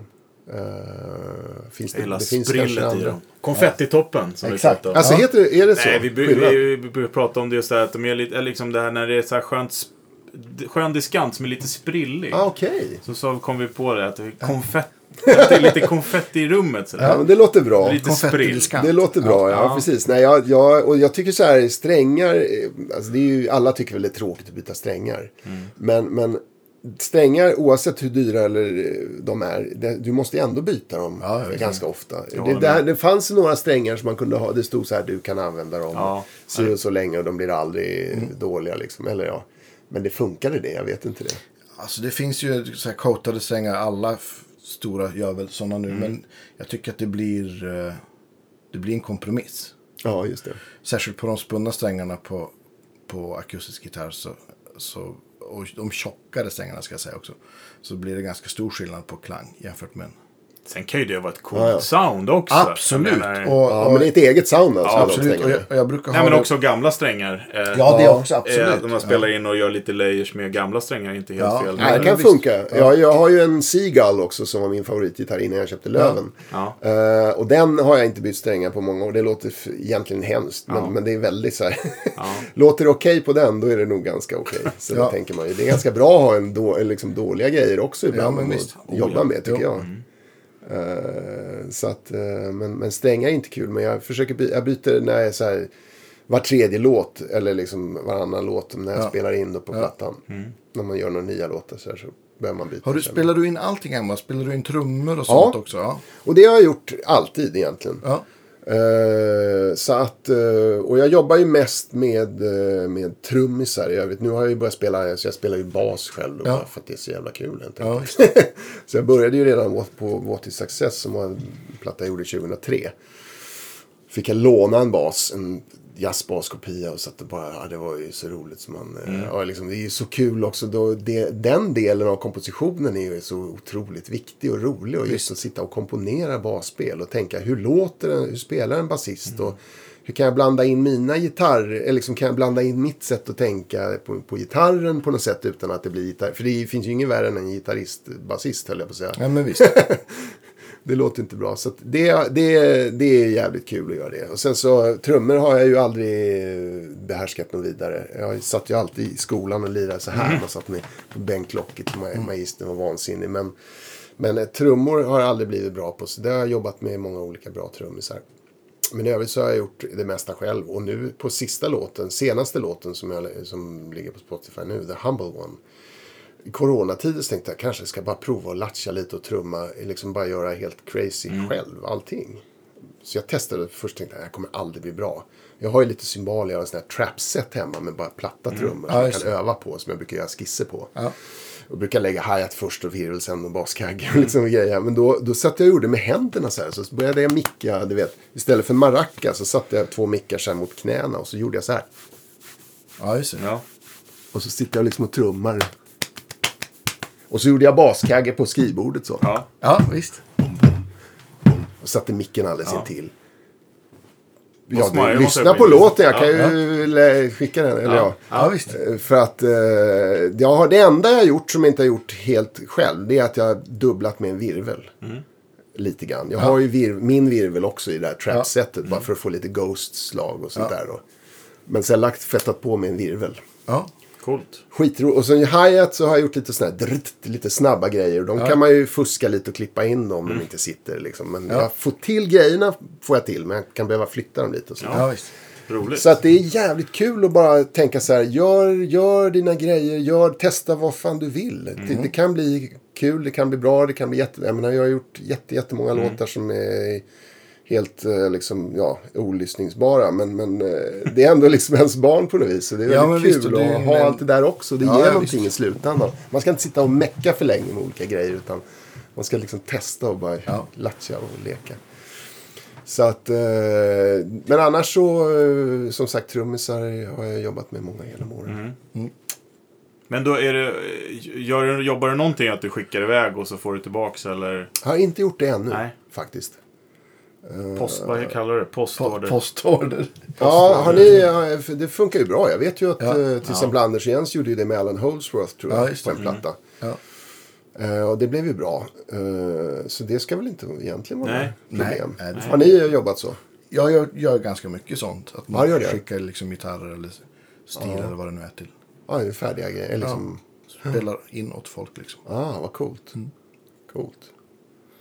Nej, men, Men du, nu börjar jag intervjua er, men din, din teknik, det är ju jävligt kul höra. Jag gillar verkligen den här. Jag, eh, din första, du har gjort en till va? Ja, jag har gjort två, två studioplattor.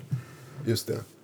Men den är ju helt unik tycker jag på något vis. Jaha, vad kul. Tack. ja, vad glad jävligt härligt eh, spel verkligen.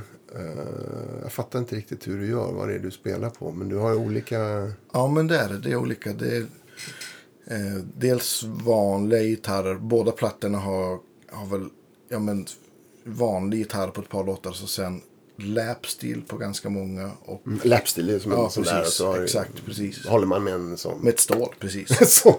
ja, men exakt. Och så sen slide-gitarr också.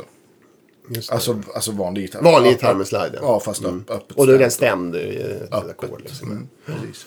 Coolt. Ja, då har, ju, då, då har ju du en... eh, De flesta, sli- eller de flesta sliden är väl gitarr som är byggd för det. Ja, men precis. Med exakt. här Ja, men det är det. speciella mikrofoner. Just det, Ja. Weissenborn spelar jag på båda skivorna också. Som en akustisk lapstil. det är inte så jävla lätt att spela på. N- Nej, det, det är som att spela. Det är en stilgitarr. Det är som en lapstil liksom, fast, Ah, okej. fast akustisk. Jag brukar säga att det är liksom urmodern till alla lapstils. Liksom. Mhm. Men du är också så här är, själv, eller har du gått skola? Ja, men jag har pluggat. Jag, jag har har pluggat pluggat. ganska mycket. Så här. Jag gick jag med musikgymnasium och så sen gick jag MI i London fanns då. Oh, wow. Och så sen är jag utbildad gitarrpedagog på SMI. Så jag har pluggat ganska mycket egentligen. okej. ja. ja, men det, det låter eh, väldigt eget. Ja, men vad kul. Härligt. Tack. Det, det glädjer mig. Ja, kul. Ja, det är kommer bra. väl lite nytt snart också? Absolut. Det kommer, kommer en... Jag har släppt en live-EP i februari. Live at Fasching volym 1. Volym 2 kommer i september kan vi avslöja. Mm, och kommer också film. Live, också live. Också live. Vad roligt. Och eh, filmer på alla låtar kommer då också. Så- Nej, Men ja. är det, är det från den turnén med Ariel Posen? Nej, den, Nej. Och det, den det kommer också? så- Ja, det kommer också komma. Det, sit- det ska mixas klart här under augusti. kommer det bli. Vad spännande. Då får man hålla sig uppdaterad med det. Och nu är studioplatta också halvvägs skulle jag vilja säga att jag är. Så- Det är du, men ja. fasiken vad du hinner med då. Ja. Plus eh, andra jobb och Ja. studio och vara med på en massa andra grejer. Ja. Men vad händer för Erik framöver då? Ja, eh, det blir ju det gamla vanliga höll jag på att säga. Nej men det här Skapa. är ju... Ja, precis. Så det är ju många låtar i pipeline. Eh, och nu så har jag ju det, om en, en liten avstickare, det här med spellistor då som Ja. vi gjorde på... Ja, precis. Det Bra. ska vi prata ja, om. exakt. Ja, det, det är ju så att jag har ju inte haft någon koll på det här med Spotify. Man bara tyckte, fan vad få lyssnare. Vad, vad, liksom, vad hopplöst det är att kunna försöka nå ut. Och jag menar Spotify, det är som en trave, fyra gånger fyra meter med små pinnar där man kanske ligger längst in i mitten och sådär. Ja. Ja. Vad fan ska hitta dig? Eh, men plötsligt så läste jag om det lite på nätet. Spellistor är ju liksom A och O. Spellistor. Se till att komma med på spellistor. Precis. Och, Skapa eh, egna listor också. Ja, skapa egna listor. Men det är ju jättemycket jobb. Eller Ja, det tar, kan ju ta lång tid. Ja. Men så då, då så gjorde jag så att då skickade, tog jag reda på, det är lite detektivarbete, det är ganska kul. Så kan man ta reda på, då ser man någon, någon, någon titel där, och någon sån här hashtag, någon, något namn på en spellista som har ett antal tusen. Och så luskar man reda vem det är, så skickar man till honom och säger så här, jag har gjort en spellista till dig, kan du lyssna på mina låtar där och där och kanske passa dem till din spellista. Som är så jättebra. Ja. Och eh, så då kom jag med på en sån där spellista med, från min den här Movies on a String. Som är en coverplatta med lite olika eh, ja, filmmusiklåtar. Och det var ju väldigt kul. Eh, och sen så har håller jag på med det där lite grann och så skickade jag till en till. Och så kom jag med på den också nu. Och det är ju sådär 55 000 lyssnare. En jävla det är massa låtar. Ja, Grattis. Ja, det är jättekul. Och det, det, gör det är kul det där med, med när, man, när man råkar ut för en sån där grej. Så Ja. plötsligt så börjar man tänka, alltså sån här grej kan ju korrumpera i fel ord kanske, men man blir ju påverkad av det. För jag, förut har jag alltid sagt så här, nej jag gör precis det jag vill och det jag känner för nu. Ja. Eh, Men nu tänker jag så här, jag kanske ska göra en cover här på någonting då. Eller göra en sån här, kanske ska göra någon sån här svensk psalm eller någonting. Ja. En helt egen version. Så att man blir lite påverkad. Så det där ligger lite nu att jag kanske ska hitta någon sån här, någon bra, någon bra eh, filmmusiklåt eller på nästa singel. Så får de andra låtarna ett, vänta. ett, ett dagens tips är ju också att titta på, gör, eller göra en akustisk version av det som ligger högst på listan. Ja, visst det. Det är ju klassiskt. För då söker okej. folk på det. Det så- är ju smart. Ja. Det Ja. är ju smart. Men det måste vara... Man alltså, jag, vara lite måste, taktisk. jag kan inte göra någonting om det inte känns Nej, nej, nej, men det, är- det är ett tips i alla fall. Ja. Till alla er där ute. Ja, ja, verkligen. Så verkligen. Spotify starta- själva gör nämligen. Ja, exakt. Ja, de gör så Ja, själva. ja, Ja, ja. Och det är både bra och dåligt tycker jag. jag menar, Ja. alla får lyssna på vad de vill och det är jättecoolt med de här stora spellistorna. Men äh, går man in på till exempel acoustic uh, gitarr och söker på det. Mm. Då får du ju upp så här, du får ju upp så här eh, relaxing, study, lullabies. Ja, visst. Eh, och det blir jävligt tradigt alltså. Jo, men visst. Det var lite så jag tänkte då med den här Swedish Guitar Players. Ja. Tänkte så här, fasiken, det borde man inte kunna eh, starta en sån där och få, eh, liksom, inte det lite kul för folk? Även Men om man finns, inte finns den på Spotify då, eller? Ja. Ja. Den ska vi ju Swedish dela. Guitar Players. Skit nu, rent Ja, absolut. Ja, så att jag ska, jag tänkte jag gör lite nya inlägg på Facebook och sprid mer och jag ska kolla vilka som har varit med. För jag ser ju, det är ju massa namn, jag har inte lyssnat Mm. på allt. Men jag... Men man kan, den är öppen så man kan lägga in en låt själv. Eller? Ja, på den? Ja. Okej. Eller, eller är din lista där? Om man vill ha Nej, låtar. nej, min lista är inte öppen. Nej, av flera skäl. Därför att blir den öppen, då blir det fortfarande, då blir det jättesvårt att hålla en låt per person. Ja, men det var det jag tänkte. Eller hur? Och Jag då, tror att det är bra att den är kurerad. Ja, men då kan man väl höra av sig till dig då? Ja, ja, självklart. Hör av dig till mig. Och är du svensk gitarrist eh, som medverkar. Det bästa är om det är en instrumental låt. eftersom det ska vara fokus på gitarren. Men det är okej om det är sång. Men det, om det är sång och det liksom är... mm, Som man säger, Björn Skifs och du spelar ett solo. Ja. Då blir det lite svårt för då blir det fel fokus på listan. Ja, så det, ska- det, ska vara, det kan vara ett band då, där, men gitarren ska vara liksom Ja. the main thing. Ja. Eh, så det är enda kriteriet. Mm. Sen kan du spela hur du vill. Eller jag menar, alla, alla får vara med. Så länge man Superbra fyller de där kriterierna. Ja, jätte, jättebra. och sen sätter jag, försöker jag lyssna eh, hur jag tycker då. Det blir ju liksom en blandning av att Eh, naturligtvis, man kan inte vara helt objektiv. Utan Nej. det blir lite smak, det blir lite... eh, om någon är jättekänd kan det vara bra att ha den lite högre upp. Typ Yngve kanske inte hamnar längst ner. Ehm, och lite sånt där. Och sen, sen eh, just det här med om det är gitarr, riktigt gitarrfokus. Då har man också större möjlighet att hamna högre upp eh, än om det är en låt med sång. Eh, det tycker jag är liksom relevanta Absolut. saker. Så att, eh, men eh, man kan höra av sig och säga, du Erik, varför valde du den där låten? Jag vill hellre att du väljer den låten. Och det är ju några som har gjort det. Och då byter jag ju låt. Men är det en låt med sång då så kanske man åker ner lite grann. Och sen tänkte jag att om jag håller på med den där lite grann en gång i veckan. Jag tror inte man ska byta för ofta. Men då flyttar om lite grann och försöker tänka rättvist och tänka utan. Jag har jävligt bred smak. Men liksom, det blir ju ändå så här, man har ju sina egna referenser. Men man försöker tänka lite utanför dem. Eh, och ändra det här en gång i veckan. Jag tror det kan bli jättekul. Och så kommer det till, till nya gitarrister hela tiden. Och så kommer det byta jag lite låtar då och då. Har du satt något så här tak på hur många? Nej, nej, nej. nej. Nej. Ju fler desto bättre. Det är ju Ja. coolt. För jag tänkte faktiskt att jag såg nu på, på, på datorn, på stordatorn så att säga. Där ser man ju under, jag har ju skrivit en rad där under. Swedish Guitar Players. Uh, a list of uh, all, uh, the aim is to reach all Swedish guitar players, visst. bla bla bla. Jag vill inte skriva något. Men, men det vore coolt om man kunde skriva på liksom typ The Ultimate List eller uh, They're All Here eller någonting. Liksom, bara för att visa att det här är en lista där alla eh, kan vara med som spelar gitarr, som har en utgivning på Spotify. Så länge gitarren är i fokus. Superbra. Ja, så jag tycker det är kul. Och en sån lista, och det är det, det är alltså, jag älskar Spotify, man kan hitta allt. Alla gamla favoriter, sån där som man, plattor som är trasiga eller borta liksom. Visst. Men det är, en, det är enligt min mening en, en brist att det inte finns möjlighet att hitta de här med få lyssnare.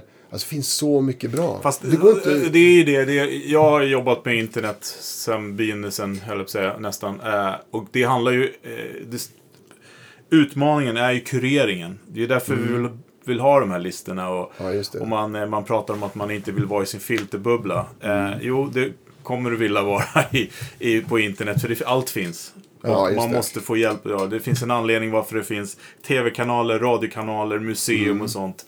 Det är för att man hjälper till att kurera. Exakt. Ja, så att vi ska hitta det vi behöver. precis, och det, precis. det som du gör är ju superädelt. eh, och verkligen. Ja, vad kul. roligt. Vad kul. Så ja, det är jättekul Alla som lyssnar får gärna hjälpa massa. till och Ja, dela det. Och när det här avsnittet sen så hoppas vi också att vi har fått eh, länkar att lägga upp på. Facebook och våran Insta och sådana grejer. Så får vi hjälpa till att sprida det. Ja, vad roligt. Ja. Ja. Nej, men det, jag, jag hoppas det skulle kunna bli stort. Och jag menar, den här listan är ju... Den är kul, alltså otroligt varierande. Jag tyckte det är jättekul att lyssna på allting. Så här, vissa grejer då kanske inte riktigt min bag och då hoppar man bara över. Det är inte meningen att man ska ha den kanske som som en bakgrund när man står Nej. och lagar mat. Utan det, det är, Nej, här, är man road, det minsta road av gitarr och svenska gitarrister, bara det minsta. Ja. Vad vi har att erbjuda med så kan man gå in och njuta där. För att det är Ja, mycket toppen. kul grejer. Jätte, jättebra.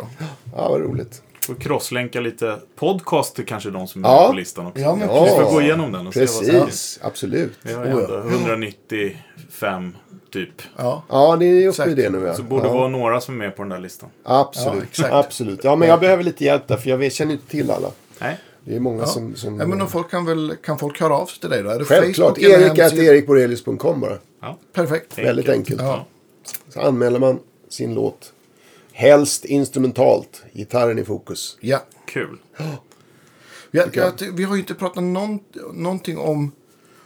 Jag misstänker att du har- förmodligen har ett par elgitarrer också. Mm. Och du håller på att spela in. Hur spelar du in dem? Och, Eh, ja, då är det samma sak där. Du gillar ju det här enkla. Jag sålde min gamla Fender-stärkare. ja. Eh, jag, har min, eh, jag har en sån här AX212. Kommer du ihåg den här digitala som kom någon gång på 90-talet? Som jag, jag tyckte var ascool. Man kunde få alla möjliga ljud. Ja, um, Ja, det var, det var en... eh, Det en var Line 6? Eller? Line 6. Ja.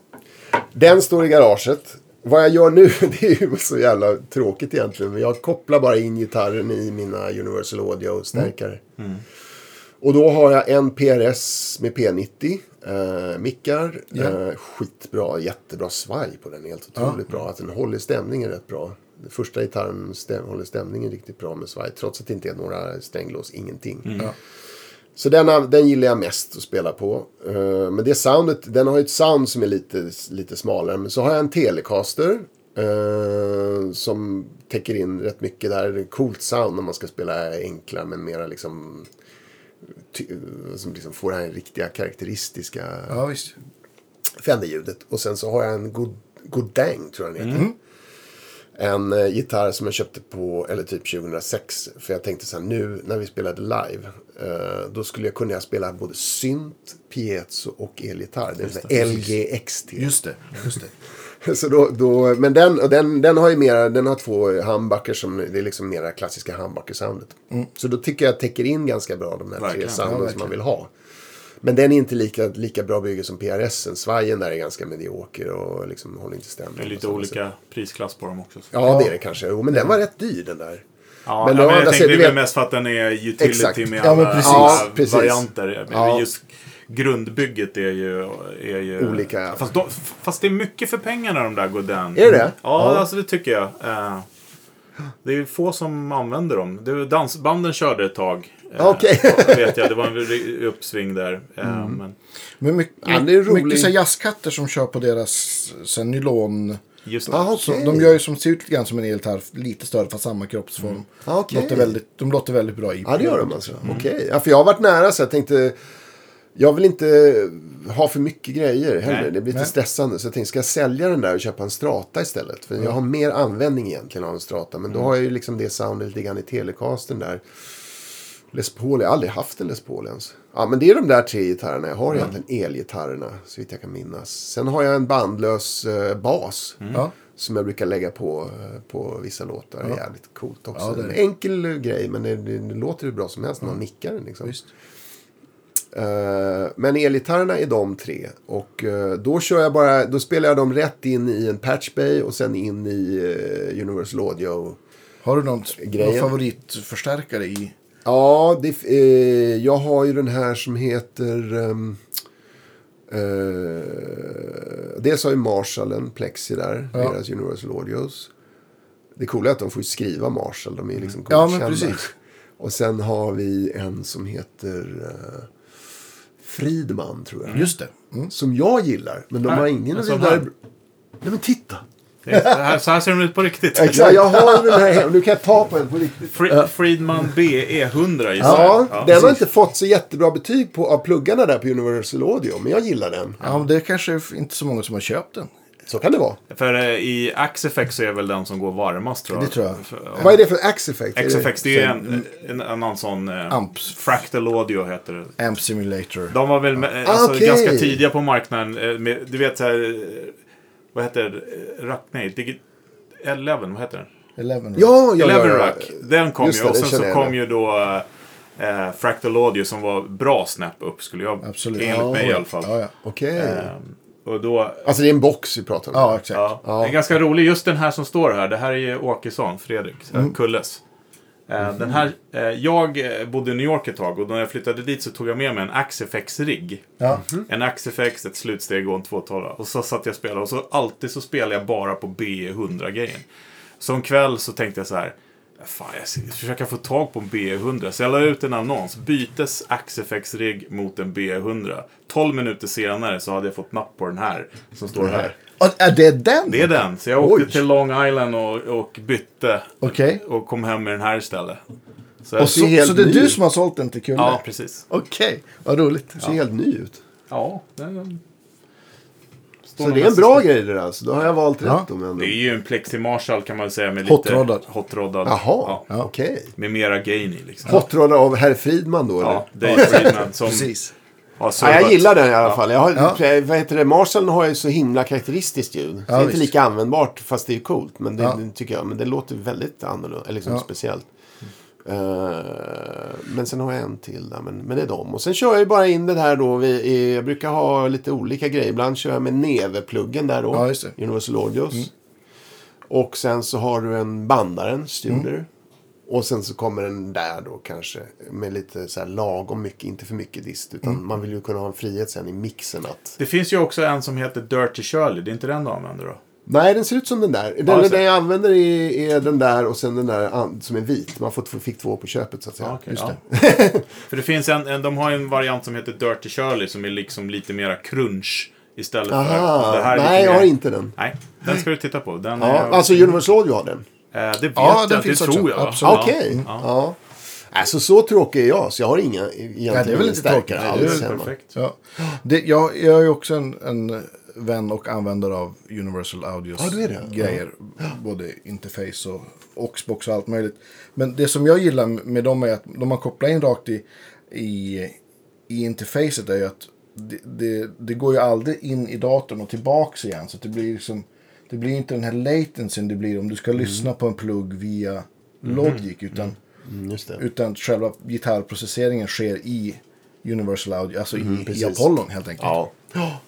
Jo, Så verkligen. att det blir en spelkänsla som, som inte är som att spela i, i en dator så att säga. Ja, det, precis. det känns ju väldigt, Nej, man känner bra. ingenting. Nej, alltså, det är nej, ingen, det- Man känner ingenting. Nej, men det är Nej, ingen skillnad. Ja, det är en, Nej, anledningen till att jag har Patchbay också, det är bara att eh, 16, Apollo 16, jag ville ha den för att kunna göra trum ordentligt Ja, men trummickar. Men den, den har ju ingen, inget inbyggd, eh, Ja, det. har jag förstått. Va? För du har inte 16 eller du har jag 8 har då? Ja, just det.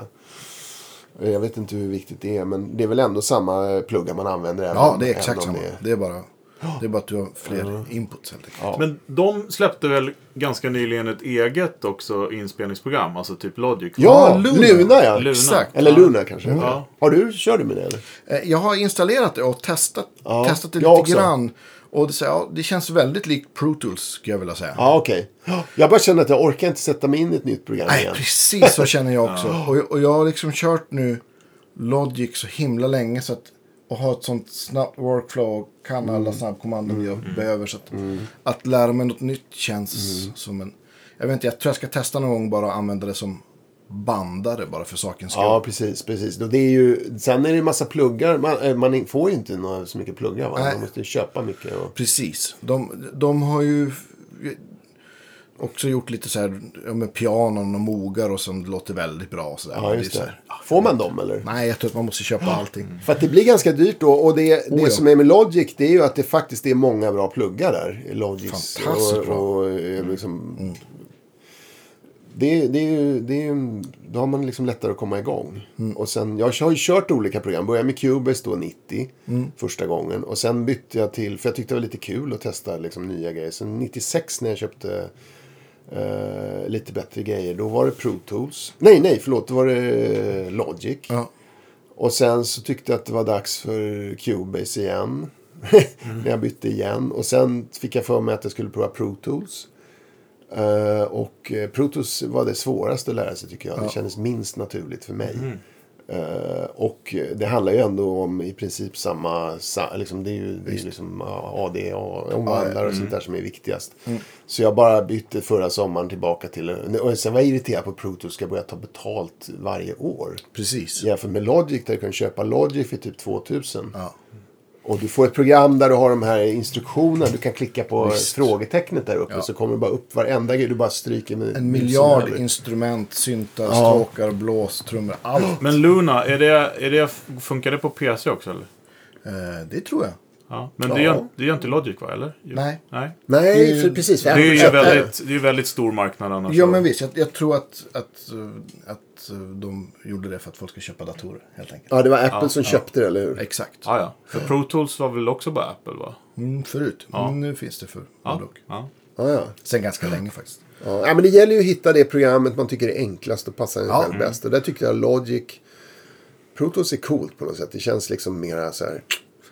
Lite mer avancerat. Jo, men det är för att är man ju- tänker att det har funnits så länge. Och, Ja.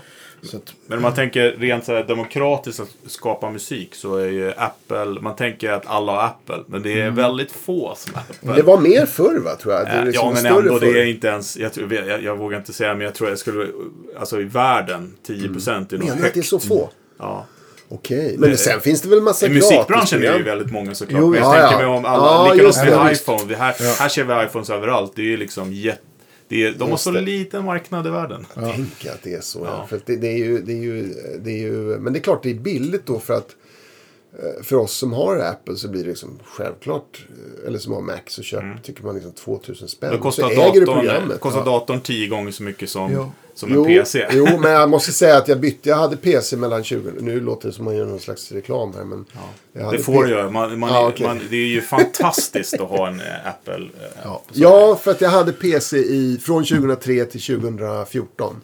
Och det var alltid någonting. Ja. Krångel och uppdateringar och den stod och tuggade. Och Apple, den har kraschat en gång i och för sig, min Mac. Men i övrigt så är det bara... Men tillbaka köra. lite det här som du har sagt återkommande här som jag tycker låter väldigt sunt. Man vill att det ska vara enkelt och lätt. Och, Funkar. och det är ju så att en, en, en Mac-dator är ju mycket mer begränsad än vad en PC är. Men det är också det man vill ha, den kurerade upplevelsen. Ja, är för, eller hur? Ja, det, det stämmer. Och det, det, ja, jag menar, är man som vi är roade av musik. Varför vill man vill inte hålla på med en PC med alla möjligheter Sen som också finns med där? uppda- uppdateringar, det glömmer man oftast också. Apple, de har det är liksom en grej som man behöver uppdatera. Mm. Tänk dig alla olika PC-tillverkare. Det är Vajo, det är det, det är det. De har egna sina... Så att när det kommer en Ah. uppdatering, då måste de göra först sin egen version av Ja, den. ja, ja, ja, så att ja, det, ja, det är likadant med telefoner. Det tar evigheter för en Android att uppdateras. Okej. Ja. Ja, men det där är, det där det är viktiga saker. när man håller på. Mm. Ja, men spännande. Det ska gå enkelt. Ja. Vara lätt. Precis, jag instämmer. Vi har ju en fråga som vi brukar ställa till alla våra gäster. Ja, Ja. spännande. Fredrik? Vad är den sista gitarrrelaterade produkten som du gör dig av med? Vi utvidgar från att säga gitarren, utan Ja. det kan vara någon grej också. Så, så. Nej, men det är ju enkelt. Det är ju min lövgitarr. Ja. För den har jag liksom vuxit ihop med. Nu har jag haft den i 14 år. True Temperament, den låter fantastiskt. Jag älskar ju akustisk gitarr. Det är liksom mina starkaste känslor är kring det instrumentet. Superhärligt. Så det är den. Och sen är det ju den här Ovation då. Men den, den är ju fortfarande... det är mer ta kul grej. Ja, jag vet. Må- Många som har försökt det där förut, Ja, men ja, det, ja, det det köper inte. vi inte. Icke som icke. nej, nej, utan det är ju den andra. För där har man ju, den har jag ju alltid löven. Ja. Den låter ju bra och den är skön att spela och den är vacker och den Ja. är fin att Ja, men vi liksom ska hålla i. vi gärna några bilder på den så ska Ja, vi lägga upp jättegärna. det. Jättegärna. Jag skickar. Men superkul att prata med dig. Ja, vad jätteroligt att vara här. så himla mycket och vi skulle säkert kunna prata eh, i, i fem timmar till. Mm. Eh, se fram emot den där eh, listan med svenska gitarrister. Ja. Ja. Jag hoppas att den växer. Jag ska göra lite fler blänkare nu också på Ja. Facebook tänkte ja, jag. men vi ska, vi ska hjälpa till att dela den. också. Ja, vad kul. Ja, Jag hoppas att lyssnarna på. gör det också. Det, Ja, men precis. Och än en gång stort tack till alla våra Patreons och alla som stödjer oss genom att swisha också. Och eh, ja, som sagt, kaffet vi har sörplat på finns eh, på guitargeeks.se. ja. Kan man köpa vårt kaffe Brown Sound. Gott. Mycket gott. Ja, mycket bra. Stort tack för idag. ja. Vi hörs. ses nästa vecka. Hej. Tack, Hej. kul att vara här. Hej.